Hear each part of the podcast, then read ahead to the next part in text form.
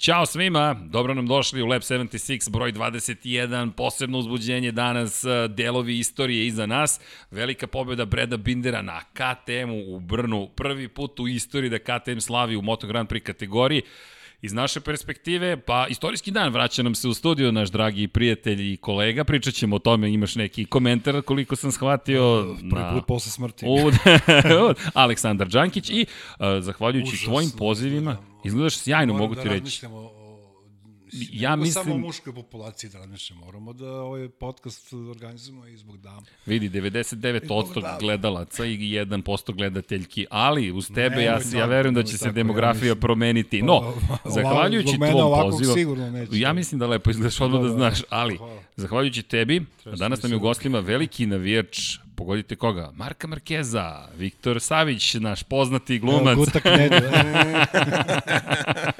e, trebali smo da organizujemo ovaj, ovaj, nagradnu igru, pogodite za koga Viktor navije. da, da, da. da. neki... Bilo bi veoma teško. Da. Pa ne, razmišljao sam dolazi kada, kada, smo, kada se najavio i Viktor rekao da će doći, razmišljam, ok, kako će doći, freestyle ovde, svako dolazi kako hoće, dođe, rekao, ok, bar znam za koga navijaš odmah, dakle nema ni pitanja da, da. u podcastu. Da, ja sam rekao, ne želim uopšte da bude dvosmisleno, da, da neko da. pomisli da možda navijam za nekog drugog. da, da, vrlo je, vidi, više je nego jasno, dakle, kadar sve otkriva. Drago mi. Ej, hvala ti što si došao. Hvala što ste me zvali. Aleksandar je rekao još pre x nedelja, ej, slušaj, Viktor, razume se, ajde da ga zovemo. Rekao, naravno, kad god ti kažeš, onda malo sam ja bio u nekom stanju um, COVID-a, ali to smo rešili. I moram ti pročitati jedan komentar sa Instagrama. Dakle, um, juče, bukvalno, Gentleman 34, jedan predlog za gosta, Viktor Savić, glumac, obožava MotoGP, prilično se razume, pa ako ima mogućnosti si ga gostovanje u podcastu, što da ne.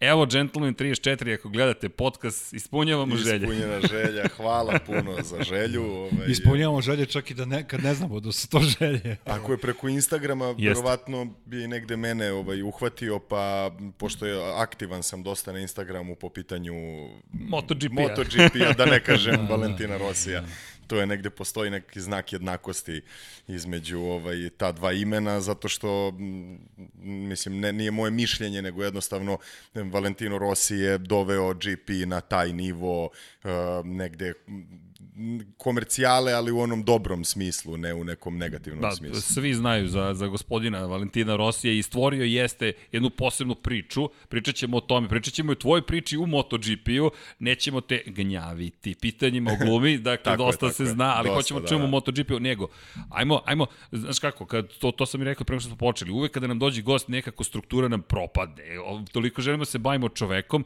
ali ajmo da obrnemo, ljudi, iza nas je istorija, Pokazuje mi kolega Đankić nešto. Ja ću sad, priče, da, ovo je preprodukcija. Ajmo da, da uradimo jednu lepu stvar. Dakle, reći Danijeli Jovanović, Uh, nemamo, nismo spremili grafiku, ali mislim da to nije ni bitno. 566 koji je u Republici Srbiji, ukoliko može, nek pošalje na 3030. Dakle, da pomognemo, nedostaje još nekih 8000 poruka, poziva, da, poziva da. da se dođe do, do neophodnog broja. Jedna mlada devojka koja je jako bolesna, živi u starim banovcima i Eto, treba je pomoć, tako da ako gledate ovaj podcast, ako, ako možete da ga gledate, ako me čujete, nije... e, ne moraju, možda samo i slušaju. Pa, eto, ne može. zaboravimo, Apple Podcast, Evo da se Google Podcast. odmah da, da pošalje. To, Viktore. Da ne bude... Uh, čekaj, da evo, samo pozivamo. Sva trojica, 5, dakle... 5, 6 na 30, 5, 6, 6 na 30, 30. Dakle, imamo sada je još neophodno 7997. Tako je. Tako je. Tako da, hvala ti. Ali zaista hvala i hvala tebi, Junkie Baby, na, na ovome. Pomenut ćemo pred kraj podcasta još jednom za ljude koji nisu čuli, a možda ako bude ako, ako ti odgovara srđene, možemo da stavimo negde kao naznaku. Ma naravno, podcasta, pa vidi, naravno. da li odgovara, samo je pitanje produkcije, to ćemo Vanja ti ja da sredimo. Gledam te Vanja, nešto novo za ovaj podcast, maše mi Vanja. E, I to je ponovo, lepo, to i treba ću da reći da, je, da je Vanja muškarac. Da ne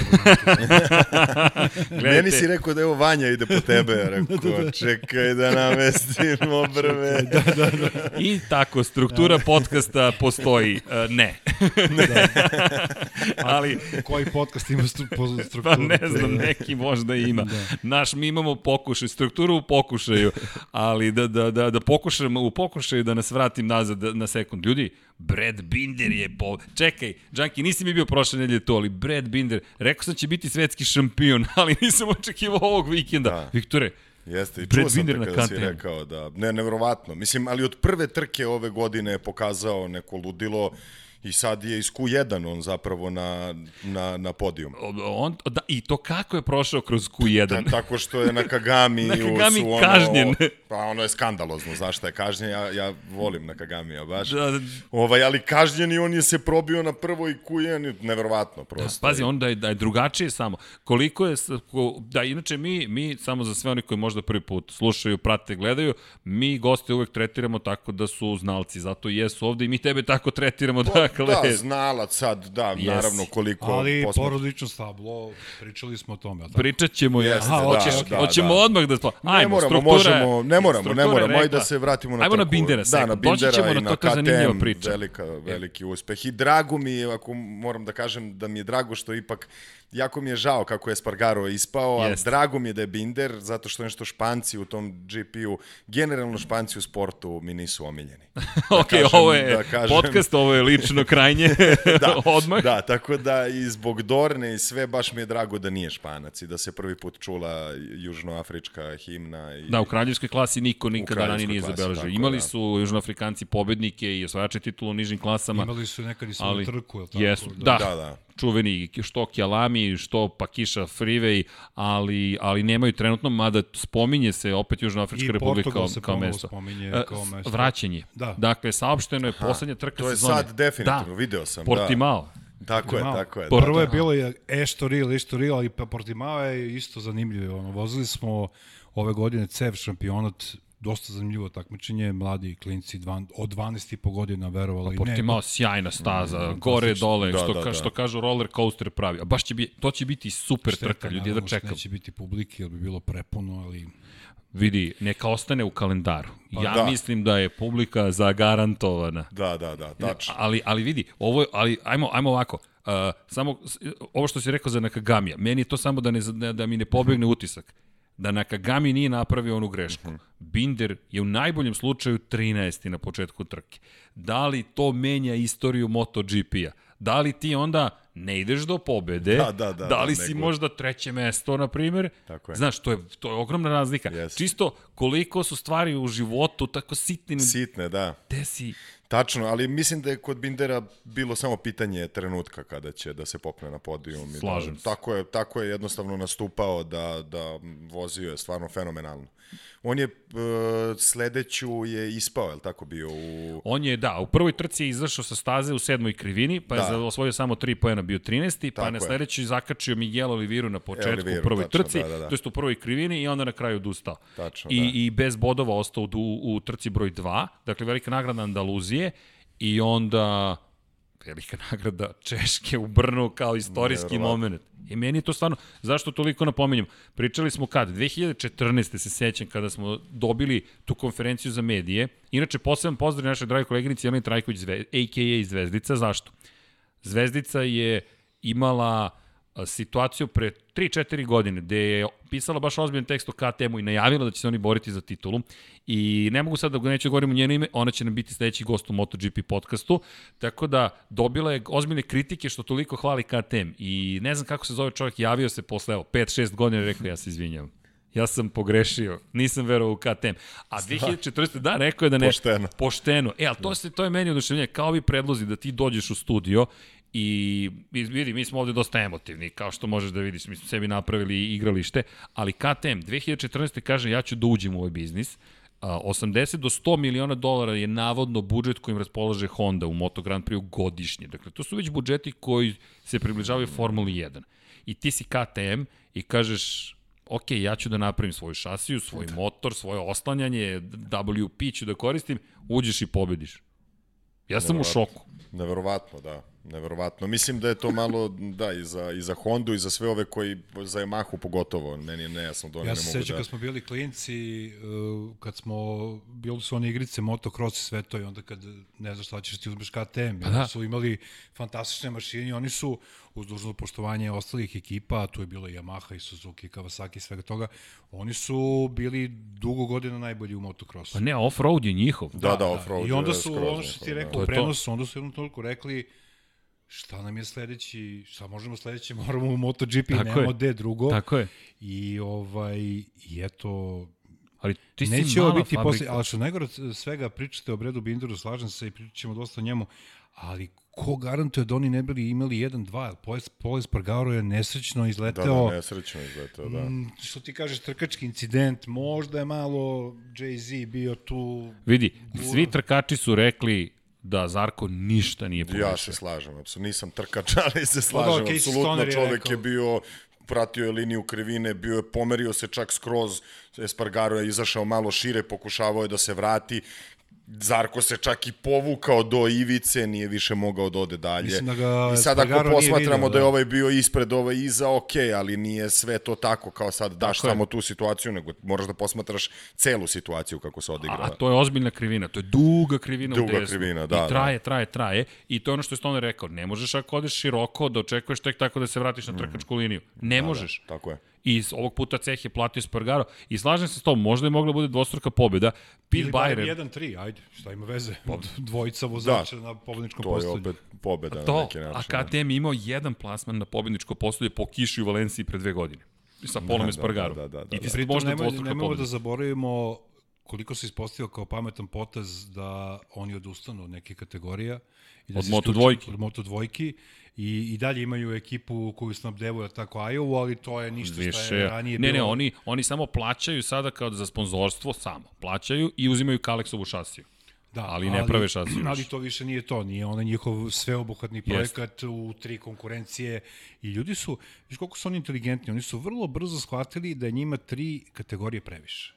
Ne možemo da ako hoćemo da se bijemo sa Yamahom, sa Hondom, sa ovim, Ajde mi e, Moto3, to je naše, to ćemo da izguramo, je... ali MotoGP da ostavimo Moto dvojke, jer tu je Kalex, tu je Speed Up, to je ono, s njime ćemo malo teže. I malo teže, nisu mogli da dobiju A, na kraju da, Kalex, Kalexi koji je pokazao svima ljudi, Ovo je naša klasa. To je uvek 200 pojena razlike. U... Ajde da se samo, izvini, na sekund vratimo sezonu unazad. Brad Binder u završnici prošlogodišnjeg šampionata Moto2 klase. Za one koji su zaboravili, evo, ja ću lepo da pročitam 2019. sezona. Dakle, kako je izgledao kraj godine za Breda Bindera? Uh, hoćemo unazad. Pobeda, pobeda, pobeda, 12. mesto, drugo mesto, pobeda, šesto mesto, treće mesto, pobeda. Odustajanje, drugo mesto, drugo mesto. Ljudi, da, da. od velike nagrade Holandije, Binder, ne zaustavlja, za tri poena mu je pobegla titula prošle godine u odnosu na Aleksa Markeza i Kalex. Razumete? Binder koji je počeo gde na KTM-u 2009. Znači u poslednjih pet trka tri pobede. Računajući ovu. da, tu, tu smo negdje. Da. Pa vidi, on je samo nastavio nizu da. MotoGP-u. Ja sam stvarno oduševljen i uh, mislim da zaslužuje da odvojimo to, to vreme. Ali ti si rekao nešto što će mi biti šlagvort. Yamaha, gde je Yamaha u šampionatu da, da. konstruktora? Yamaha trenutno, Yamaha trenutno je prva, KTM je drugi, I onda dolazi Ducati, znate ko je četvrti? Honda. Da, da. E, Honda je u problemu. Yamaha može biti veoma zadovoljna, ali ko nju juri? Ko nju mm. juri? Jedan KTM. I sad Yamaha u momentu, zašto sad skrenuli smo od Yamahe? Mm -hmm. Zato što Yamaha koliko god da izgledalo sve sigurno, odjednom nema u Hondi konkurenta nego u nekom nekom, pod znacima navoda KTM. KTM-u, da. Ma ne, ali ja mislim da je to što su oni trenutno prvi, da je to samo ovaj, na, na, ono, ta, na, na, na čačkalicama stoje, bukvalno. Zato da, što, skraćena sezona, nikad se ne zna. Pa to, da, ta, to može da ih izvuče, ali ja i dalje osjećam da taj motor nije... A reci mi jednu stvar, ovaj, name, nameće se samo pitanje. A, bez obzira za koga navijaš i sve to, znamo kako je, koliko je Marko... Za Rosija. Nije bilo pitanje, samo zarez. Dobro, ja samo to podnetem, ono da ne... Da. Šta bi bilo, šta bi bilo Dobro. da tek u, živo emisija katastrofa bi bila? Nije, ovo je super, meni je super, ne, ne, dakle... Ovaj, uh, uh, uvek se postavlja pitanje, evo sada je to ponovo aktualno, da li je Honda previše možda čak i na svoju štetu uh, zavisila od Marka Markeza. Mm. I u, u, u konkurenciji konstruktora i fabrike i titula Da. Mislim, on im donosio 250 bodova svake godine, da se Tako ne lažemo. je, ali opet imaju sreće, takav je trenutak da, ne, da imaju okay, ali njega... da li misliš da, da, da, su, da, da, da su možda previše odigrali na jednu kartu ili, kao što Srđan kaže, ok, doveli su pa, Jorge Lorenza prošle godine, pa, pa da. nije uspalo. Da, da. Pa sigurno, da, ali mislim, nekako sa, sa u redu Mark Marquez vozi kako vozi trenutno, ali taj motor pod njim deluje, evo i na Kagami je sada dokaz da on je, koji je bio neki 13. 14. završio je 8 nije da nešto izdaje taj motor kao što izdaje Yamaha po mom Aha, mišljenju. sad razumem gde ideš. Ok, sad sam shvatio, jer sam razmišljao, čekaj, prvo pobjeda, pobjeda, drugo mesto, gde vidiš slabost Yamahe? Sad sam shvatio. Za oni koji ne znaju, dakle, Yamaha u ovom momentu ima dve pobede, ima jedno drugo mesto. I to Petronas Yamaha, to je mm, zanimljivo. Da, dakle, da. privatni tim je zabeležio najbolje da. plasmane. Dve pobede za Fabio Quartarara, drugo mesto za Franka Morbidelli. Mm. Međutim, kada pogledamo Yamahe, pet, imate pet motora po vozaču po sezoni. A manje više, svi su već na petom motoru. Mi posle da, da. Češke imamo Austriju, Austrija 2, to je ta velika nagrada Austrije, pa Štajerske, pa San Marino, to jest idemo u Mizano 1, pa Mizano 2 Emilija Romanja. I tek je onda polovina sezona. Da, nije ni polovina, pa sad Barsa, Da, u stvari polovina, teo sam kažem za Moto3 i Moto2, tako? Pa do, za njih će, da, da ali, ali pazi sad ovo. Kata, MotoGP, okay. Tako je, Katalonija, pa ide Francuska, pa ide Aragon, pa ide opet Aragon, mm. pa ide Valencija dva puta, pa ide Portimao. Ti si u Češkoj, imaš pet zapečećenih motora. Tako Ka je. Kako planiraš da stigneš pa do... to. Sad razumem što, o čemu govoriš. O slabosti koja... Hoće li stići do kraja sezona? Upravo to. Upravo to. A Marquez će se vratiti na stazu. I onoga momenta kada se vrati, Yamaha ako moraju da idu pozadi, verovatno svaki od četiri vozača će imati bar jednu, možda čak i dve trke da startuje sa začelja, A evo sad smo videli Brad Binder, da nije bio u Q2, da li bi mu se otvorila ova prilika? I ono što je najbitnije, srđene, MotoGP je toliko izjednačen u ovim godinama da više sa začelja, sa poslednje pozicije ne može da se pobedi. Pa. U svo dužno poštovanje, to nije Moto3. Pa može čak... jedino Marquez, ali mislim da je opet to na, ne znam, ovu, ovu trku kada se i povredio, ovaj, pao je, u stvari prvo se iščupao, pa je onda pao, pa je onda pokušavao da stigne, da nadoknadi to. Mm, vozači, ja sam bio očajan. Ja sam, ja sam rekao, ako, ako sad ovaj čovek pobedi, sa 21. sa 18. treba pozicije. da postavite kacige i da se penzionišete, svi, sram vas bilo, psovao sam, nervirao sam se. Ovaj, a onda kada je došao do Rosija, zapravo sam razumeo, uh, razumeo sam šta je u glavama drugih vozača. Znači, oni kad njega vide, meni je nejasno da, da, da si mladi, da imaš takav respekt, odnosno to je više neki strah od njega, jer on ide, ide glavom kroz zid, ne razmišlja šta će se desi. Ja verujem da tu ima mnogo ljudi koji su zapravo mi je Rosim, to mi je pojasnilo, kad se on pomerio, onako je rekao, je, nećeš tako lako proći, da. dedu, sad ćeš da vidi. Međutim, ovaj ga je video, samo se pomerio kao aj ti prođi, neću ja da, da završavam svoj život ovde zato što zna da će ovaj da gazi.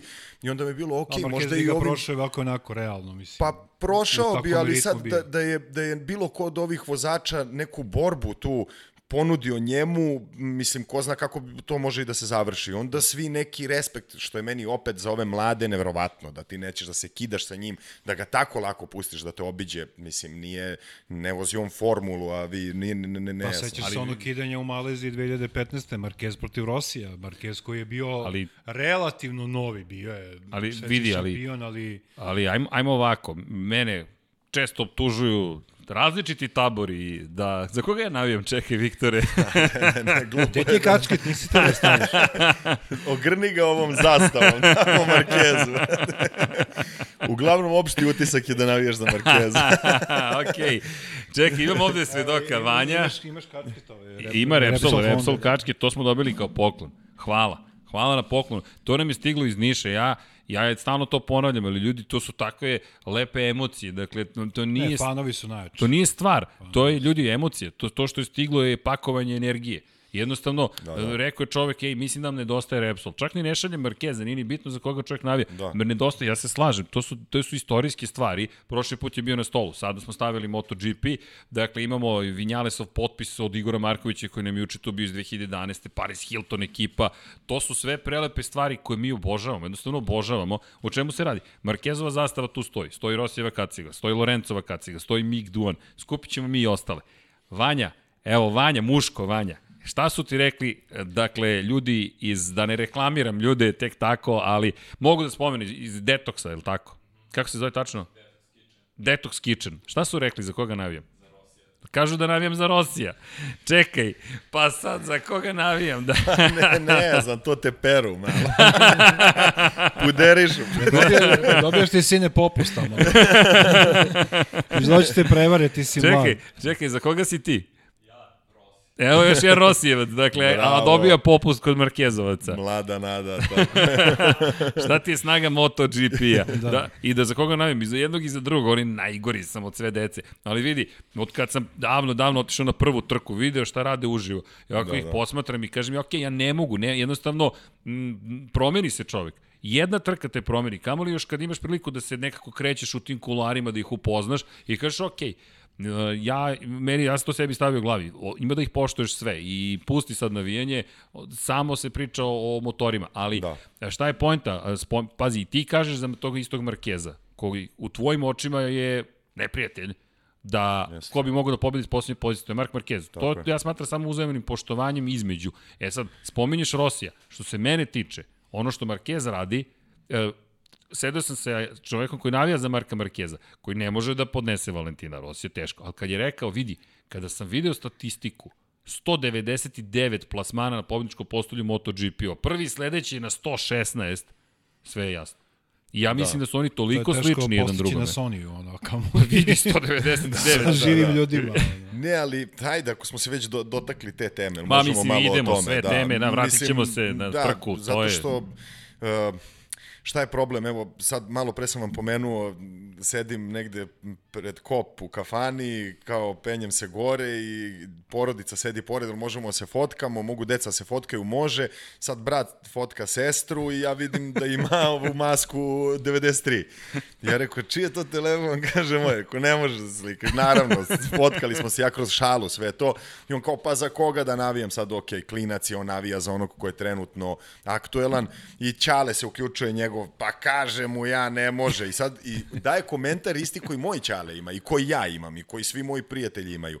A to je da, da je on na stranu incident kada se umešao između njega i Lorenca, to nikad u životu neću moći da mu oprostim, stvarno, zato što nije bilo do tebe, uopšte se nije radilo o tvojoj tituli, nije se radilo o tvojoj pobedi, a ti si se umešao po španske linije, ovaj, ili ne znam ja koje, ovaj, i pokvario je celo to prvenstvo, pogotovo za Rosijeve navijače i za Rosija, naravno, ovaj, ali ono što je, što je, što je glavni problem je što Marquez, kao i Lorenzo u jednom trenutku, E, za njega znamo da je perfekcionista čovek, da vozi kao mašina, yes. vozi svaki krug isto, ono je stvarno, bez motor mu se ne trese, bilo je savršenstvo gledati tu vožnju.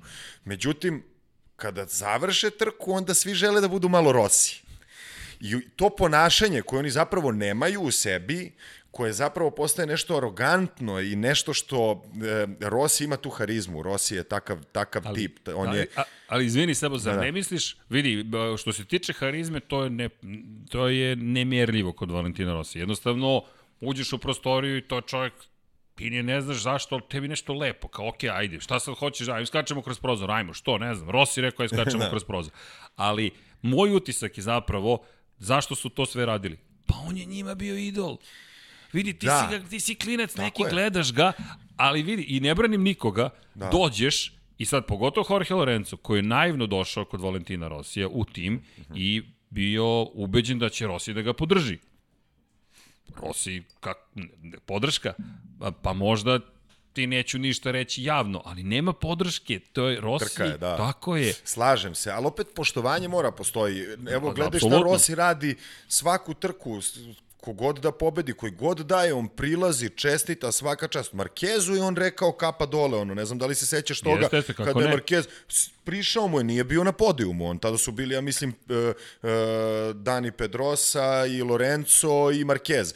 Rossi je negde s neke pozicije na kraju trke prišao mu, ovako mu pokazuje kacigom, onda ono u boksu kad mu je kao krenuo da ga nabada, smeje se, ovi, ovi ga gledaju, ne znam, onda je jednu trku kad se vratio u Yamahu je pobedio, Rossi Yes. onda je pio onaj šampanjac, ti gledaš Markeza iza koji, e, ovakav osmeh, on ga gleda i onda uradiš takve poteze Pa- svom nekom, neko ko te možda zbog koga si i počeo se baviš tim sportom. Mislim, to je toliko nepoštovanje, ja ne mogu preko Setimo toga se i one preći. Rosijeve poslednje pol pozicije, tako kada su svi izašli iz svojih ja, bokseva. Ja samo razmišljam, treba da, da pozovemo jednog Markezovca da sedi preko da. puta, ti ja ovde i samo se pučemo, pijemo naše kafe re, i, da, da, da. i to je to je otprilike to. I to je to. Vidi, vidi, a ovo je sad kompleksna tema. Ako krenemo, ceo podcast će biti posvećen samo ovoj temi. Slažem se, morao ne, ne. sam ovome zbog svega ovoga, razumeš?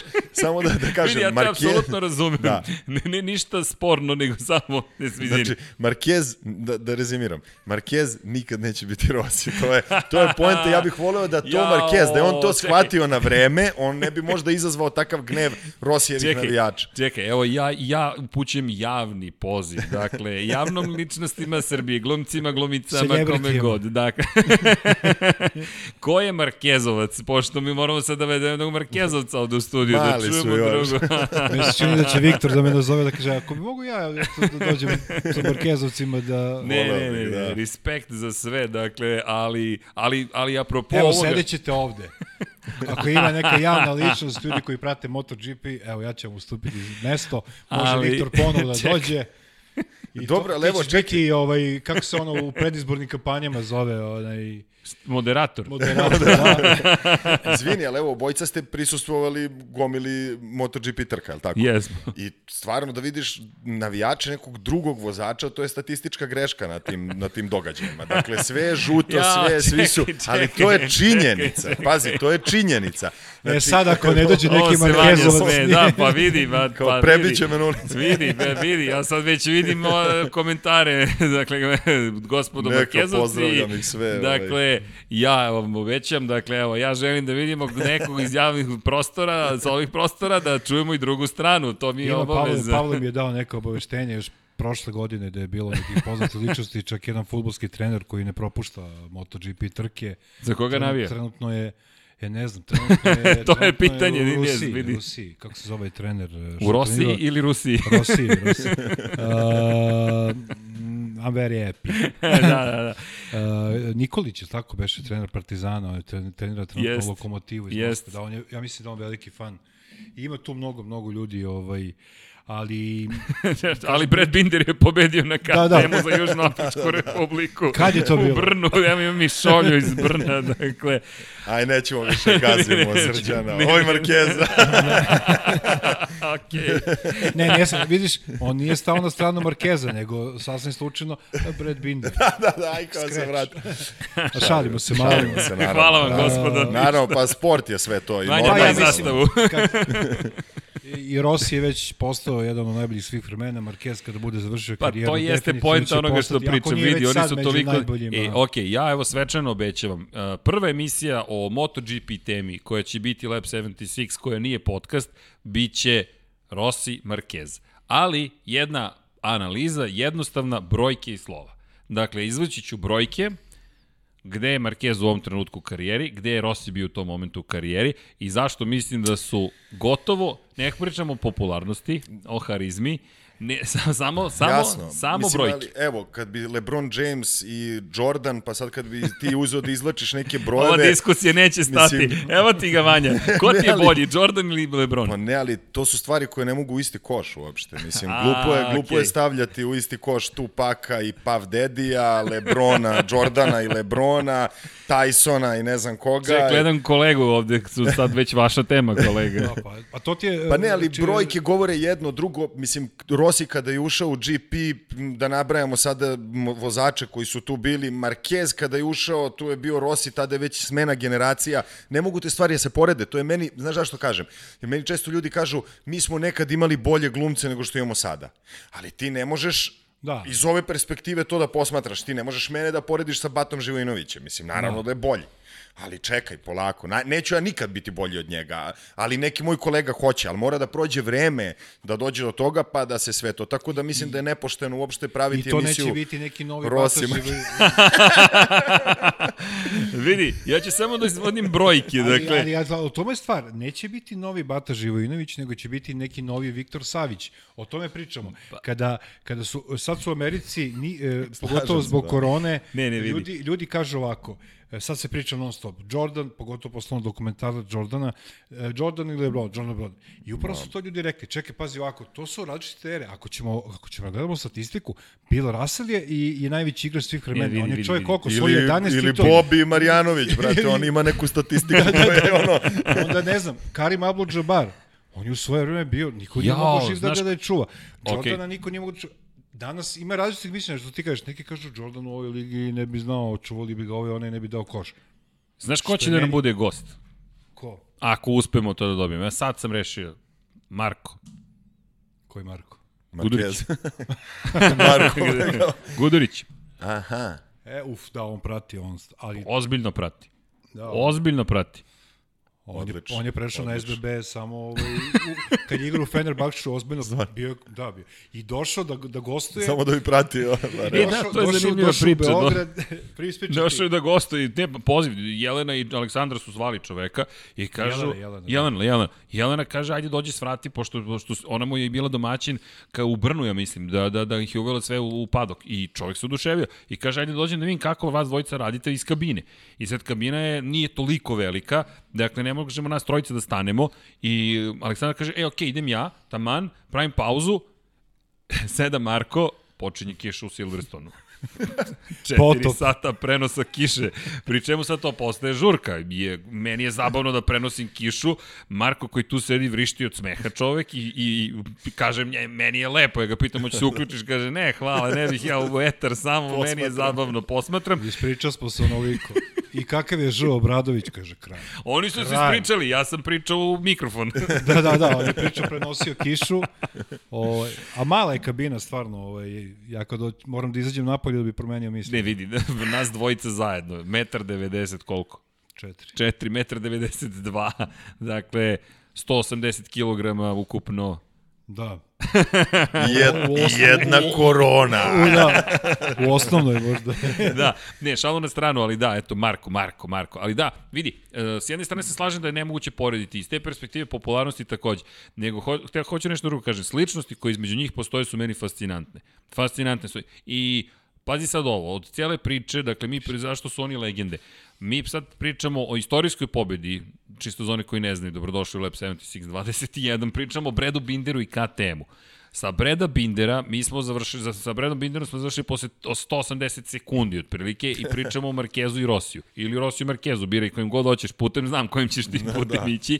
Ali je point u sledećem, zašto su njih dvojica toliko, zašto se prave poređenja? E, teško je porediti, ali uh, čak i meni ta statistika zanimljiva, jer je neverovatno koliko je slična između njih dvojice. Neverovatno je koliko je. Marquez 82 pobjede kada je napunio 7, 27 godina, Rossi imao 79 pobjeda. Ljudi, to su tri pobjede razlike, mi govorimo o različitim merama. Jedan je rođen 1979, drugi 1993. Da, da, da. Ali neverovatno. Pri čemu, e, to mi je zanimljivo, 27 godina kada je napunio Rossi, prva trka je u Herezu, Elijas ga izbacuje sa staze, d- 14 je 2 poena, ponavljam priču, treći put, Marquez započinje sezonu u Herezu, posle toliko godina, i ne završava tu trku. I sezona počinje kao potpuni raspad sistema. 2006. kada se to desilo Rosiju, nije osvojio titulu, ali je sezona bila pucanje guma, otkazivanje motora, izbacivanje Elijasa, pobjeda Elijasa u Portugaliji i na kraju pad na velikoj nagradi Valencije. I Niki Hayden postaje šampion.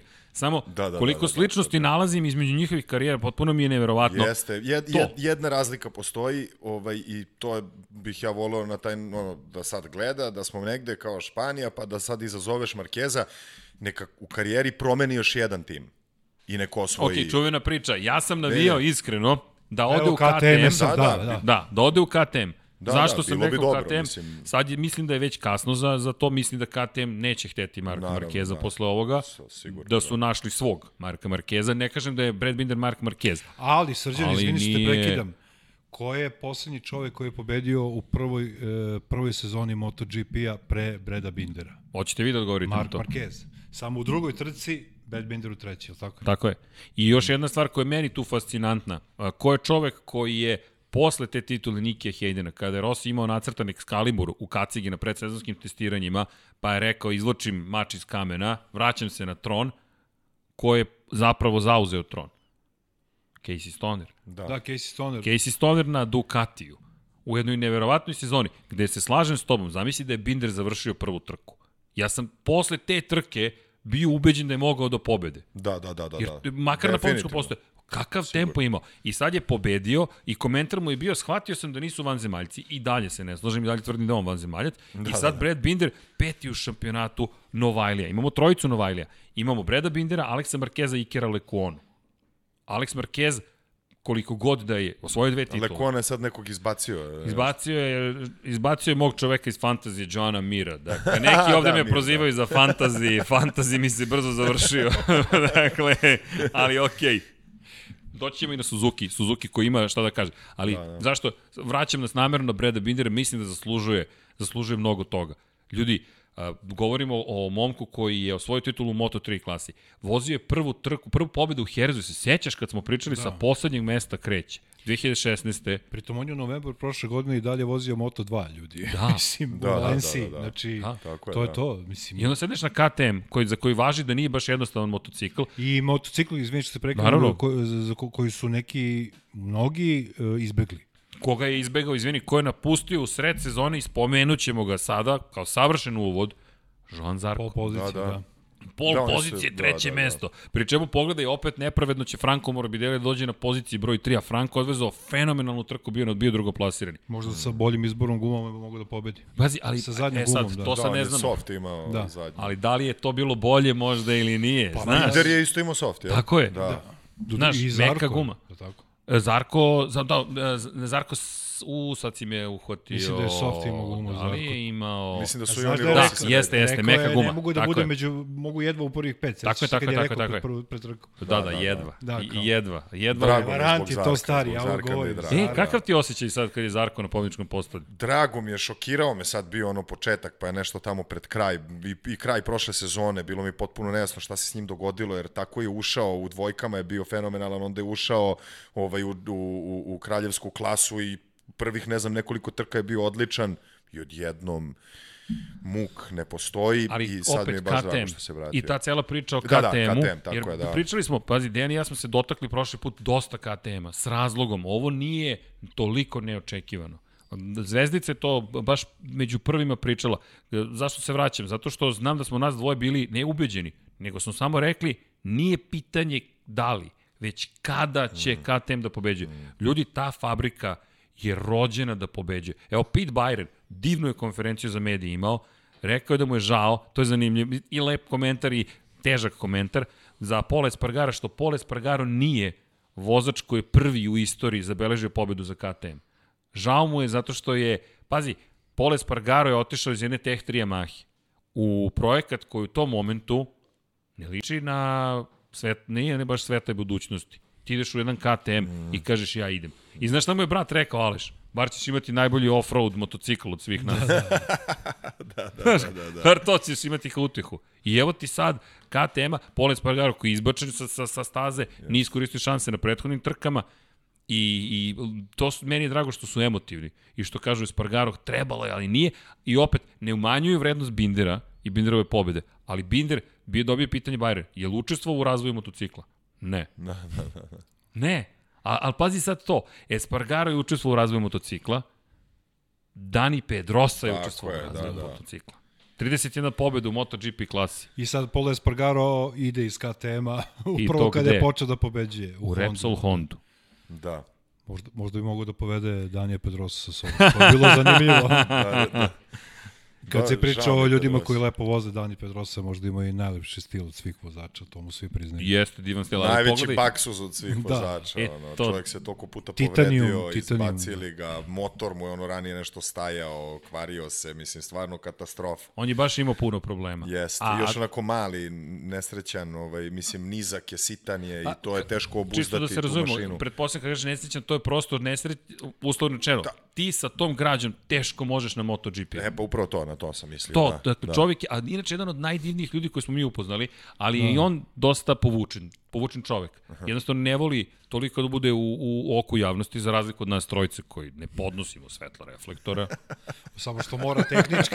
da, da, tehnički, ne bismo mi inače to. Ne bi ti bio glumac, ne bi ti bio javna ličnost, muzičar pre svega, komentator i, to i to kakav. U, to bi, e, e to, znaš šta, možemo da napravimo jednom specijal i uh, pričamo o Junkie Babyu i MC Bestu zapravo, kako je tad bio poznat. Irena, daj tu rakiju. Ovde se konzumira best. kafa, voda, da, molim da, vas. Da, to je tamo u arhivi, šta ti je? Ma ne, to je tamo zatvoreno. Za ispiranje samo. kad se to je kad dođu, kad dođu glumci. e, ali šalno na stranu. Dakle, Morbidelli nam je drugi, Treći je Joan Zarko. Kakvo pobedničko postavlje. Meni danje nije jasno šta se dogodilo. Dakle, Binder na KTM-u, Franko Morbidelli na Petronas Yamahi. Prvo pobedničko postavlje u karijeri. Prvo pobedničko postavlje u karijeri. I onda dođe Zarko još kao da, čovek da. Na, na, kao najbrži Ducati u trci. A Morbidelli... Nešto Morbidelli nije bio... Nije pa od bio... Moto dvojke nije bio na pobedničkom postavlju. A ne, nego nešto nije bio srećan. Čini mi se, imao je neki, bio onako u down nekom raspoloženju. Jel ti imaš taj utisak da da je hteo, da je da prosto, da je, da, da je, da je, da je video pobedu. Video je pobedu sigurno. Sigurno. Posle kako je sve ono, video sam i kad je bilo slavlje, ništa prskanje, a on je šampanjac odmah na, na, kao da utoli to, ovaj, tu žeđ za, za pobedom. Jel ti ja deluje da je, tako? Da. Jer ja imam utisak kada je rekao kao da ajde, ajde da se stavimo na trenutak u njegovu kožu. Doveden si u Petronas da budeš broj 1, odjednom stalno trpiš poraze, stalno trpiš poraze. Klubski kolega koji je mm. klinac Fabio Quartararo, u to vremenu Vajlija, je na pol pozicijama, ne možeš da ga pobediš u kvalifikacijama, penje se na pobednička postolja, ekipa ga slavi, mm. Yamaha kaže dovešćemo ga u fabrički tim, daćemo mu fabrički motocikl. I pritom si u nižim kategorijama bio mnogo uspešniji od Quartararo. Šampion si sveta bio da, u Moto2 da. klasi, imaš podršku Valentina Rosija iz Akademije, dolaziš Valentina Rosija, odjednom ništa to ne funkcioniše i onda se nađeš u trci u kojoj si uspio nešto da nađeš još u petak, brz si i neko ti izbaci tablu, Zarko, Zarko, Zarko, Zarko, Binder. Da, da, da, otkud. Da, da, ne, ne, neverovatno. Znaš, na tabli ti stoji Binder i onda te taj neko pretekne i ode ti 4 sekunde.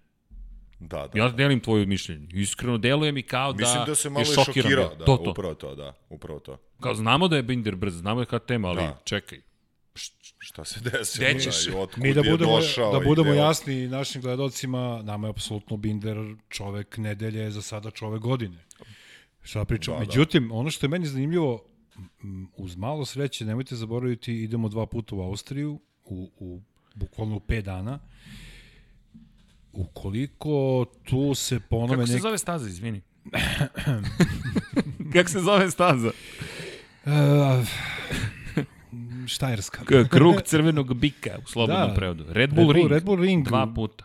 Dva puta, inače Ducatijeva staza poznato, ali... da, da, da, da, Ducatijeva. KTM će sada sa, tu, da. Sa, ne, ne, ne. se sve stvari pomešale, sad pa, vidi, više ne znam. To je KTM-ova fabrička staza. KTM-ova fabrika je iz Austrije, oni su tu, to je, to je, to je njihova staza. Dani Pedrosa... I dolaze kao pobednici. Zamisli da, su, da, da nije, nije, ovaj, nije korona i da dođe na 120.000 ljudi u Štajersku i kao... Pa šta misliš kako bi izgledale tribine sada? Pa mislim, da je velika da nagrada Austrije standardna. Mislim da bi bilo na 50.000 KTM-ovaca 100%. 100%. To je bilo kao skijaški skokovi otprilike. Bo, da, vidi, prilično, da, slažem se s da. tobom. Da. Dakle, to je potpuna promjena, jer tebi dolazi sad tvoj, pri čemu Red Bull Ring, Red Bull glavni sponsor. Pa Dieter Matešić bi samo doveo svoje goste, jedno 30.000 gostiju. Vlasnih Red Bulla, inače. I, I sad, ako te dobro razumem, šta sada? E, ajde šta, šta sad mislite, Brad Binder, dokle pobede, može da ide? Dve pobede Brada Bindera, alo, to su onda šam, šampionski poeni. Tako je, i ja iskreno imam više poverenja u njega nego u kvarterara. Ne e, znam. to me zanima. Pa ne znam šta se desilo sada sa, sa Gume. kvarterara. Pa, gume, gume, kaže da nema nije... rešenje. Ali on je, ko je imao? Imao je e, prednju. Sedmi je bio. Ne, ne, ne, ne, da, nego da. ko je gume? Srednje tvrde pozadi. Pa da, i Rossi imao sve srednje tvrdo u pozadnju. Jeste, ali vi, to je tek zanimljiva priča. Od četiri je Mahe, Morbidelli je najbrži, Rossi je brži i od Kvartarara da, da, i od da, Maverika Vinjalesa. Vinjales, to je ona stara priča o, o, tačnije ove godine ponovo po, pokrenuta priča o starosti asfalta na Brnu i, i tim Aha, neravninama da što jede gumu. Ko, da, ko bolje i tu je ono Rossi poznat kao čovjek koji dosta dobro čuva gume, barem pod ove stare dane ali slažem se s tobom ovaj, da je Morbidelli išao najbolje. Sad šta je sa Kvartararom desilo? Dobro, ajmo da se vratimo, ajmo samo na, na sekund da. i na tu, ajmo ovako, Kvartararo je meni vrlo zanimljiva tema. Fabio Quartararo je vodeći u šampionatu sveta, 59 poena ima, dve pobjede, jedno sedmo mesto. Mm. U ovom momentu Mark Marquez sedi negde povređen. Oporavlja se. Postavlja se pitanje da li će doći možda na veliku nagradu Štajerski. Mislim da neće. Pa ako je pametan neće da. za njega. Jer... Jer ovo što je uradio je izglupirao se ne samo on, nego ceo tim tih doktora. Meni je šokantno da je on dan posle operacije radio sa tegovima, radio sklekove i da je njega neko puštao da to radi.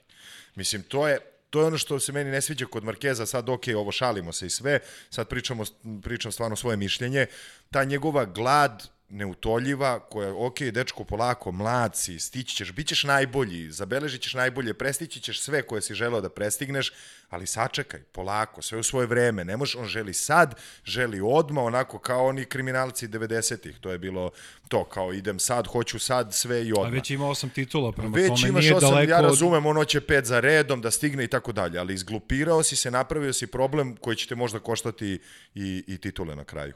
Ali, Mislim... pazi još jednu stvar, nije, nije mali broj ljudi, evo srđan, reci ti tvoje mišljenje, E, to su povrede koje kada se ponavljaju mogu da munište Ma, karijeru. Pa, ja ne bih volao, da se razumemo. Naravno, ne, e, pa ne, naravno. Neka naravno. čovek ajde, vozi da, najbolje što ajde može, da pa koliko osvoji, osvoji. Da li je vama nedostajao Mark Marquez sad u nedelju? Ne. meni ne. Ok, kao... surovo. Meni nije iskreno, ali ne kao sad nešto, ne, ne, nije kao da ja njega mrzim, ali jednostavno u tom odnosu ga ne volim. Bio mi je jako simpatičan kada se pojavio, čak sam mislio da ću navijeti za njega kada se Rossi, kao i cela moje, moje društvo, ovaj, kada Rossi završi, pitanje da li će čovjek završiti karijeru, ovaj, možda je od 41 godinu. Misliš možda penzioniši i Markeza. Bukvalno, mislim. Ovaj, ali onda, eto, ti neki potezi, ali sad gledam nadmoćnije mnogo stvarno, pošteno, najbolji je trenutno i onda mi malo ubi, ovo je sad, ova trka mi je bila baš zbog toga ja, zanimljiva. Ja, to te pitam, e, ali to je to, jer izvini, baš mnogo gledalaca kaže kada nema Markeza, trke su bolje. Sad dalje bolje, neizvesnije svakako. Da. Dakle, su mi namo pojma ko će Tako pobediti je. sad u Austriji Štajerskoj. Kada je Marquez na stazi, ti dosta izvesno znaš. Slično Rosijevo u njegovim najbolje vreme. Tako je, tako znaš je. Znaš da. prosto šta će da se desi. Sad, ako navijaš za Marka Markeza, želiš tu izvesnost, želiš to. Biće možda drame tu i tamo, ali znam da će pobediti. Ako si Rosijevac, 2005. Znam da će biti drame, ali znam da će pobediti. Mm i, i želiš tu izvesnost. Dakle, zna, želim dramu, želim da bude drame do petog kruga, pet kruga pre kraja. Vidi kako da, je ovo, molim te Vanja, a vidi taj osmeh na licu. To su te emocije. Ti znaš, isto kao sa Jordanom, kao da želiš da, da bude frka, ali želiš taj moment kada želiš on uzme utakmicu u play-offu, ali tako da jest, jest, Chicago pobedi. Tako je. Tako je, Jer, tako ali, znaš, Ako to si navijač. To ti, da, to ti ona priča, kao, kao kad bi rekli, pa aj sad kao da, da ne postoji više boks, ovaj, zato što je Tyson ono, mm, urnisao sve u pa, prvih da. 50 e, sekundi. E, ali, A šta ali, da radimo? Ali šta je bio, mislim. E, ali, sad, izvini, izvini, znaš šta je sad moje pitanje u toj cijeloj priči? Ako znamo da se Marquez prošle godine stalno borio, prvo, drugo mesto, prvo, drugo mesto, i da je uvijek imao različitog protivnika, o čemu sam razmišljao ovih dana posle trke? Binder je pobegao skoro 4 sekunde u jednom trenutku Morbideliju. Ako je Morbidelli stvarno toliko odmakao ostalima, najbolja je Maha u tom trenutku. Da kažemo Marquez, da je bolji i da pobegne koliko? 4 sekunde. Mm. Binder je i dalje tu. Tako je, tako je. Znaš, to mene, je bila fantastična zato borba. mi je meni nedostajao Marquez. Jest. Hoću da vidim, da se... mislio sam da će to biti Kvartararo posle prve dve trke. Ako se setiš prvog podcasta, pre najave sezone, rekao sam da mi Kvartararo ne deluje kao neko ko će se nositi s Markezom. Mm. I pitanje, pitanje, dosta mi je ljudi pitalo zašto to misliš. Zato što mislim da nema tu vrstu konstantnosti. E sada, sad je ovo veliki test za Fabio Quartarara. Tako je. Bio si sedmi. Da li mislite da bi Marquez bio sedmi u ovoj situaciji? Čak Teško, i sa neravninama i sa problemima. Nema Mislim da bi ili, po, ili bi pobedio ili bi ponovo ostao van staze. Van staze, da. Ja, ja bih volao da vidim Markeza, ali samo Markeza koji je sa 100%, znači to je 100% zdrav. Ne bih volao da vidim Markeza koji je rovit i koji rizikuje bukvalno da, svoj život. život i karijeru. Jer Austrija, Slažem se, ono ne. kad gledaš na televiziji pa se uplašiš onih brzina, uopšte na svim stazama. Da. Idi u Portimao, pa idi Vidi, gore, dole, ovo, gde idi, god. pa to. Gde god. Znači, e, što se mene tiče, ukoliko, ovaj, da ne ulazimo sad ono babske priče, ukoliko je suđeno da on ove godine ne uzme titulu, bolje da bude potpuno zdrav i da sledeće godine vozi, Jeste. što se mene tiče. Ali mislim da se Viktor dotakao nečeg vrlo bitnog. Koja mu je ovo titula za redom bila prošle godine u MotoGP-u? Četvrta, jedno. Ko ima pet u istoriji. Imaju tri čoveka. Giacomo je, Agostini sedam, Mike, Mike Duan ih ima Tako pet je. i Valentino Rossi pet za redom. Ali ti to je ono želiš što da budeš to. pričao, Jeste, e, jeste. malo, znaš, Ali nije... Ne možeš e, e, preko hleba pogaču, znaš, ne možeš neki put na silu. Pazi, da, ti Tako budeš, tako je. odeš u šljunak, najdublji šljunak u MotoGP kalendaru. Prođeš, nastaviš trku, budeš 18. Dođeš na treću poziciju i da kažeš... I nije ti dovoljno. 16 poena, Neverovatno. Mislim, ovo on, i, i posle Ali- bukvalno... To je, Ali čekaj, onda i povrediš se. I umesto da sačekaš E, to. dve, tri nedelje, da ležiš i on bi stigao. Ja, ja sam siguran da, da se vratio spreman. Ne, ti hoćeš Pa da dobro, pokažeš da. da si ti supermen, da možeš sačekaj, polako. Meni je drago što, znaš zbog čega mi je drago što, što njega trenutno nema?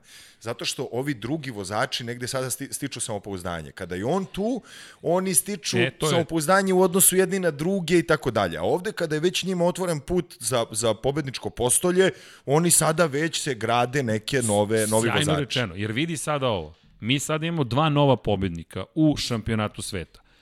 Jedna od izjava Markezovih navijača. Markezovih navijača. Znaš za koga navijaju? To sam i Dekija pitao prošli put. Znaš za koga navijaju? Ne. Za Rosija. Znaš zašto? Samo da se ne pojavi Da, nova da, da, generacija. da, pa da, Jer pa da. vidi, Rossi, Rossi ti ne smeta više. Neka da, da. uzme i desetu, 11. 15. ne znam ni ja koju. Da, Zapravo ne, to bi im smetalo. Ali, to bi Ro- smetalo, tako je. ali i neće. Mislim ali, da i nije ni vidi, moguće, ali, ali slažem deseta se. Da. titula da osvoji Rossi, nekako to je bolje, to nije moja teorija, ti go, ja sad Njihova. prenosim njihovo mišljenje, nego Ako da neko mora, Kvartararo, barem Rossi. Nek nego to. Kvartararo, ovo što je Koji Viktor će rekao, da Ili ono, Binder. na, očeliči svoje... tako je, Da, i da, kaže, ok, ja ovo mogu, kao što je Binder rekao posle prve trke, ej ljudi, ja mogu da se trkam s ovim ljudima. Da. Tako je, e pa upravo to, upravo to. E, i sad ti, Binder ti je sad pobednik. Sad nije kad će da zabeleži KTM prvu pobedu. A ne, ne, ne, ne, ne, prijatelji. Nego koliko još. Tako je, kad će Tako prva je. titula. A mnogo ih je mladih, pa imaš Rinsa, imaš Zarka, imaš... Mira. Bravo. e, Mislim sve, ne znam šta je Alex sa Rins. Banjajom sad bilo u ovoj trci Banja uopšte. je- Uh, polomio je nogu. Da, pod kolenicu. Petak. Operisan je, neće... E, evo ti sad još jedna stvar. A, ali to ti je opet sezona. O tome smo pričali. Koliko je da teška da je sezona. Ba- Banjaja čak i najbrži Ducati bio. Da. A, Da, To brže između od ostalog. fabrički Ducati. Da, a na fabričkom. Da, I, pa da, i, pa da. I to je Znaš tema sad na Andreju i Dovicioza. Dovizioso, da. Tako je, jer Andreja Doviciozo, evo, to je ta nestruktura emisije. I ja stvarno uživam, ovo su naši razgovori. Pa dobro, kao sedimo Pa, pričamo. u kafani s Da, da. mikrofonima. Otprilike. pijemo Kafana. vodu. I znaš kako nam se zove studio? kako? Na studio na kraju univerzuma. Ne znam da li si čitao, vodiš kroz galaksiju za Jesam, kako autostop. ne. Pa, Da, da.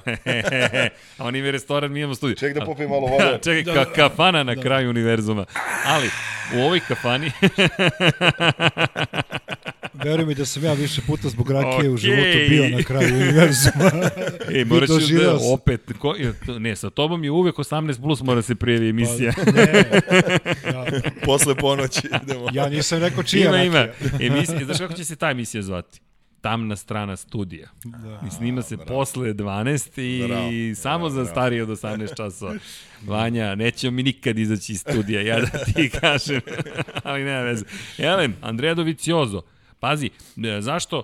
Meni je ovo fenomen, žao mi je pre svega svih koji su povređeni. Što Aleksa Rinsa, idem hronološki, ne, hronološki. Andreja Dovicioza koji je slomio ključnog gol pred početak sezone. Danila Petrućija na testu u sredu pre prve trke u Herezu. Aleksa Rinsa koji je i dalje čovek za medalju, koji lomi sebe da bi spasao drugog. Tako je, to- Tako je. je- Car. Car, Za da, mene najveći car, ja šta god ostali uradili, dakle ja kažem ovaj, ovaj čovjek, ej, žrtvuješ potencijalno šampionsku sezonu, ali ne daš ljudski život. Tako je, tako To je smisao, to je smisao. Sporta. E, Tako je svega. Znaš, došli smo u globalno u fazu, ma baš me briga za drugog, ali moje, da izvinete, dupe je bitno. Pa dobro, Tako je, okej, tako je. svi vodimo pritom je računa o jedini tome. čovjek tako. u rosteru koji je pobedio dva svetska šampiona u jednoj Prošle sezoni. godine, da. to Rosija i Markeza. Čekaj, da, da, znači, da, da, koga da, si Rossi, pobedio? da, da, Rossi i Markeza. da, Čekaj, da, šta mogu Gostinija da, da ne nađeš na stazi da ga Tako. pretekneš. Znaš, i to taj Rins povređen i onda dolazi Marquez povreda, sad Banjaja povreda, to su sve ozbiljne stvari. Doviciozo, međutim, treći na prvoj trci, šesti na... Gde si sada? Ne, ne, pa kad će ako neće Kada? sada, ne, on bolje stvarno da, toliko me nervira taj Doviciozo, stvarno nemam Ja reći. ti misliš da on uh, kulira malo uh, Ducati? Znaš, pregovori su. Pa ja ne, mislim, znaš šta, da je imao drugačije neke rezultate ranije, možda bih i mislio to. Ali ovako mislim da je mu možda to izgovor za, svoje, za svoju vožnju. Ono. Mislim, meni je stvarno neverovatno da se tako ponašaš i da da imaš takve rezultate u ovoj sada, sada kada je trenutak, kad ćeš ako nećeš sad, sigurno nećeš Markeza dobiti, 100%. Da. Pokazuje više puta. A ako iz Ducati ode u neku Apriliju ili šta god. E pa da, je Aprilija sad... Aprilija je italijanski, jedini još italijanski proizvođač. Da, da. Ali I dobar motocikl ima. Teško je očekivati Dovija da šampionska sezona ali slušaj, Apriliji. Ali čekaj sad. Ali opet sad kad pričamo o KTM-u... Odmah da ti kažem, ti si car. Koju si temu sad meni bar ubacio u glavu? Slušaj sad ovo. Ko je, ko je Ducati spašavao po, u eri post Rosija? Jer vidi, tu su morali jedni drugi da se spašavaju. Ne optužujem Rosija ili Ducati. Da. Jednostavno, to ti je kao saradnja, kao brak kao veza. Vi ste uspostavili neku vezu, možda ste vi super i jedna i druga strana, ali zajedno to je... Da, da, ne funkcioniše. Ne ide, da. ne funkcioniše. Mm. Razilazite se i jedni i drugi morate se oporaviti. Rossi se vraća u Yamahu, mm. kući praktično, a Ducati, ja, šta ćemo sada? Tako je. I ko tebi sada razvija motocikl? Gigi Dalin je došao. Mm. Viciozo, da. Janone, ja ga stvarno poštujem zbog brzine, ali ja Andrea... Si, on Janone, je simpa ludak. Jeste, ali pravi manijak. Jeste. Ali ti Viciozo stub razvoja tog motocikla. Mm. I posle Lorenzo koji je dao to nešto što nedostaje. Tako je. E, gled sad, ti imaš Aleša Espargara, imaš Bradley Smitha, imaš Andrea Janone koji je zbog dopinga sklon zbog dopinga. Pa lud, čovjek je lud. pa da, ali čekaj, on propusti predsezonsko testiranje zato što je ugradio kolagen u usne da. da bi izgledao lepše. Pa ne, ne. Vidi, kao da kao da uskudeva uskudeva sa devojkama mislim znaš kao da, MotoGP vozač Italijan znaš kao strašno dobro možda da, ima jednu možda. previše kako svoju. to Richard kako to lepo te pa, seri da. rešavaju Richard Gasquet je pozitivan na kokain. Što je bilo? Bio sam u diskoteci poljubila me devojka koja je narkomanka ovi kao pa dobro Jesi se sećaš Andreasa Goldbergera koji o, skakača. Znam, znam, Austrijanac. koji je ostao bez licence da skače za Austriju. Pa skako za Srbiju. Razloga, tako je, za Jugoslaviju u to vreme su ga zvali. Da, mislim, onda... koja je to količina alkohola i droge? ne, ne, ali šta je on uradio? Njega eliminiše federacija skijaška Dakle, oduzima mu da licencu, da skače, tako da. je, zabrani mu da skače i on ode u neku zemlju koja je u tom trenutku pod sankcijama i dogovori se sa tadašnjom vlašću, ja ću da skačem može. za vas. U Austriji ne šok, to je kulturološko-medijski kolaps sistema. Čovek koji je, koji je šampion će da skače za neku drugu zemlju koja je zapravo po tom trenutku paraja, pod sankcijama i ti... I pritom nema nijednu skakonicu. Imala je dok je bila nema, članica Jugoslavije. Da, nema skakonicu i ti ga puštaš zašto? Zato što je bio aktivan u, u, u diskoteci. Jedno su se pravila promenila i odmah su mu vratili ili ma ne, samo zaboravim. Pazi, to je po meni ucena. A da odgovorim na tvoje pitanje, ne odgovorim nego, da li Doviciozo se sada kaže, ok, hoćete vi tako da igrate, ja ću ovako da igram. Čekaj, ajde, ajde da napravimo analogiju. Izvini, da, da te neko pita da bi volio da glumiš u Marvelovim filmovima. Zašto da ne?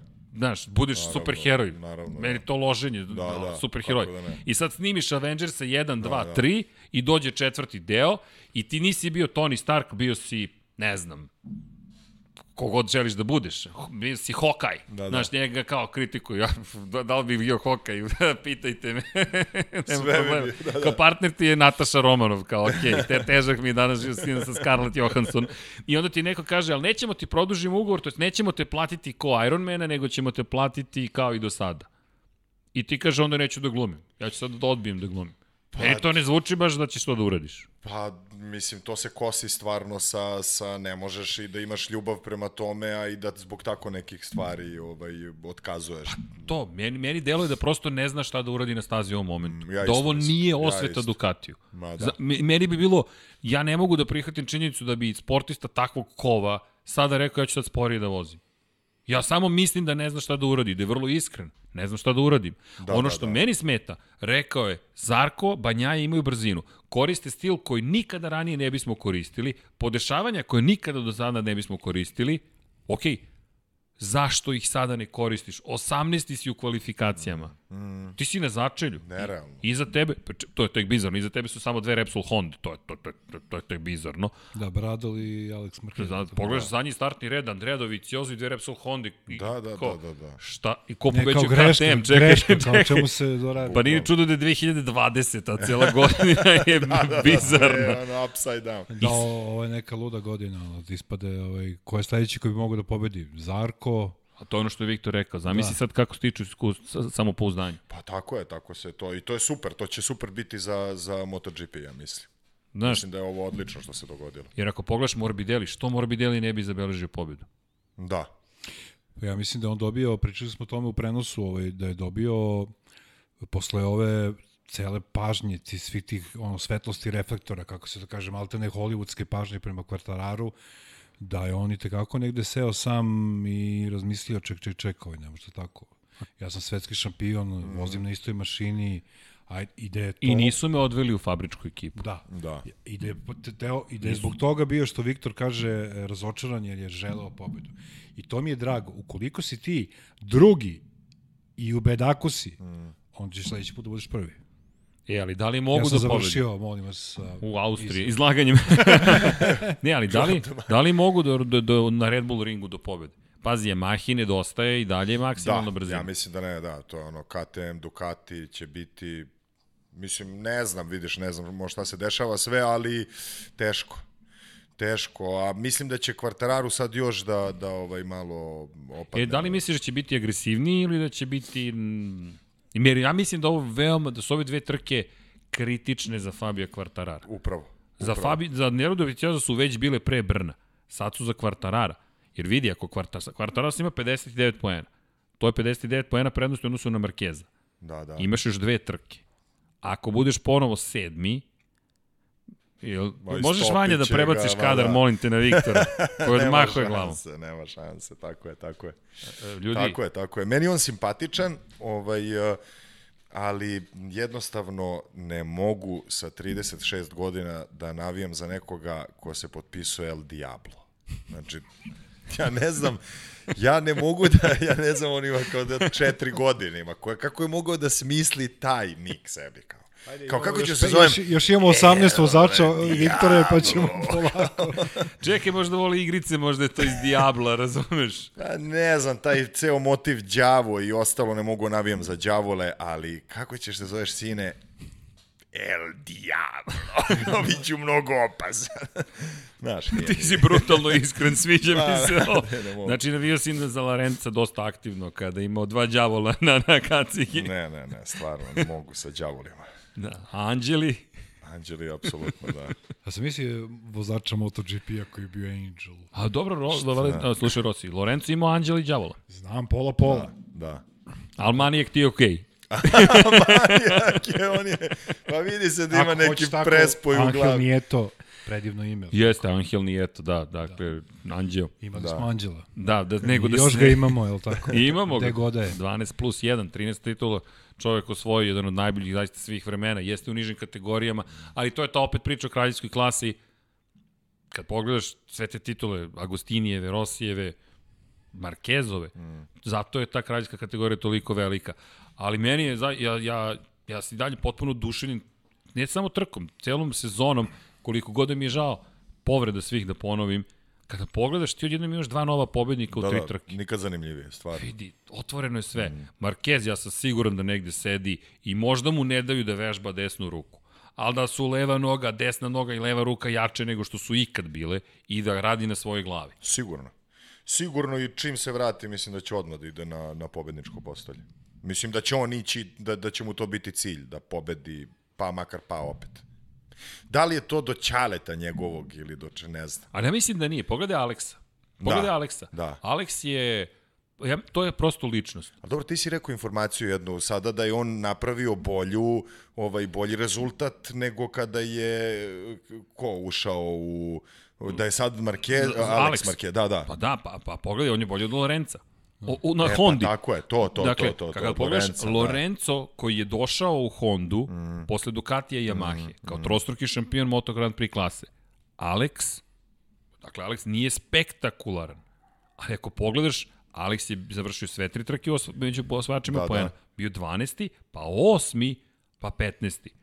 Lorenzo nije imao takav početak I karijere u pritom bolje u Honda. trkama, znači problem su kvalifikacije. Drugo, Da. mi smo se, e, bukvalno smo bili ozbiljni, nismo želeli da, da vređamo višestrukog svetskog šampiona, ali smo govorili za Jorge Lorenza da je on bi, e, po vremenima bio na nivou Moto dvojki. Pa u jednom momentu Honda. da. Da, u U Honda. jednom momentu na MotoGP. nekim stazama, na nekim Da, stazama. da, to je njegova najveća jezivo. greška je što je ra, ovaj, raskinu ugovor bio sa Ducatijem pred sezonu, A, a, nije onda on. je tu sezonu, ili su oni s njim, Nije on, jel? oni, su, oni nisu hteli da produže ugovor sa njim A, i kada to je onda su, njihova Tako je, greška. i kada A su Ducati rekli, ti je ko Ferrari, znači teško je Znam, njima ući u glavu. Ne, Da. ne, jednostavno je zapravo. Ne, zapravo je jednostavno, koliko god da je poražavajuće. Jednostavno ne, ne znaju kako da se bave svojim vozačima. Pa Pazi, to. ja Danila Petruća zaista volim. On je jedan divan čovek. Ali moment kada ti saopštavaš, mi ćemo umesto Jorgea Lorenza Da, da. dovesti Danila Petrućija, Petrućija. Da, da, da, da, da, to je stvarno... Ja, ja pritom- sam pao sa stolice. A pritom, o, o, računajući povremene dobre rezultate Dovicioza, njemu svaka čast, posle Casey Stonera konačno se pojavio čovjek koji pobeđuje na tom ludom Ducatiju. Vidi, ali oni su tačno pre te pobede zapravo mu otkazali saradnju. Ali niko, ih nije, niko im nije branio Vidi. da i promene mišljenje. jel A, tako? vidi, teško je, slažem se, teško je, teško je u tom momentu baš vidjeti da će Jorge da počne da pobeđuje. To, to je činjenica. Ali, ali, ali, postoji jedan problem tu ozbiljan.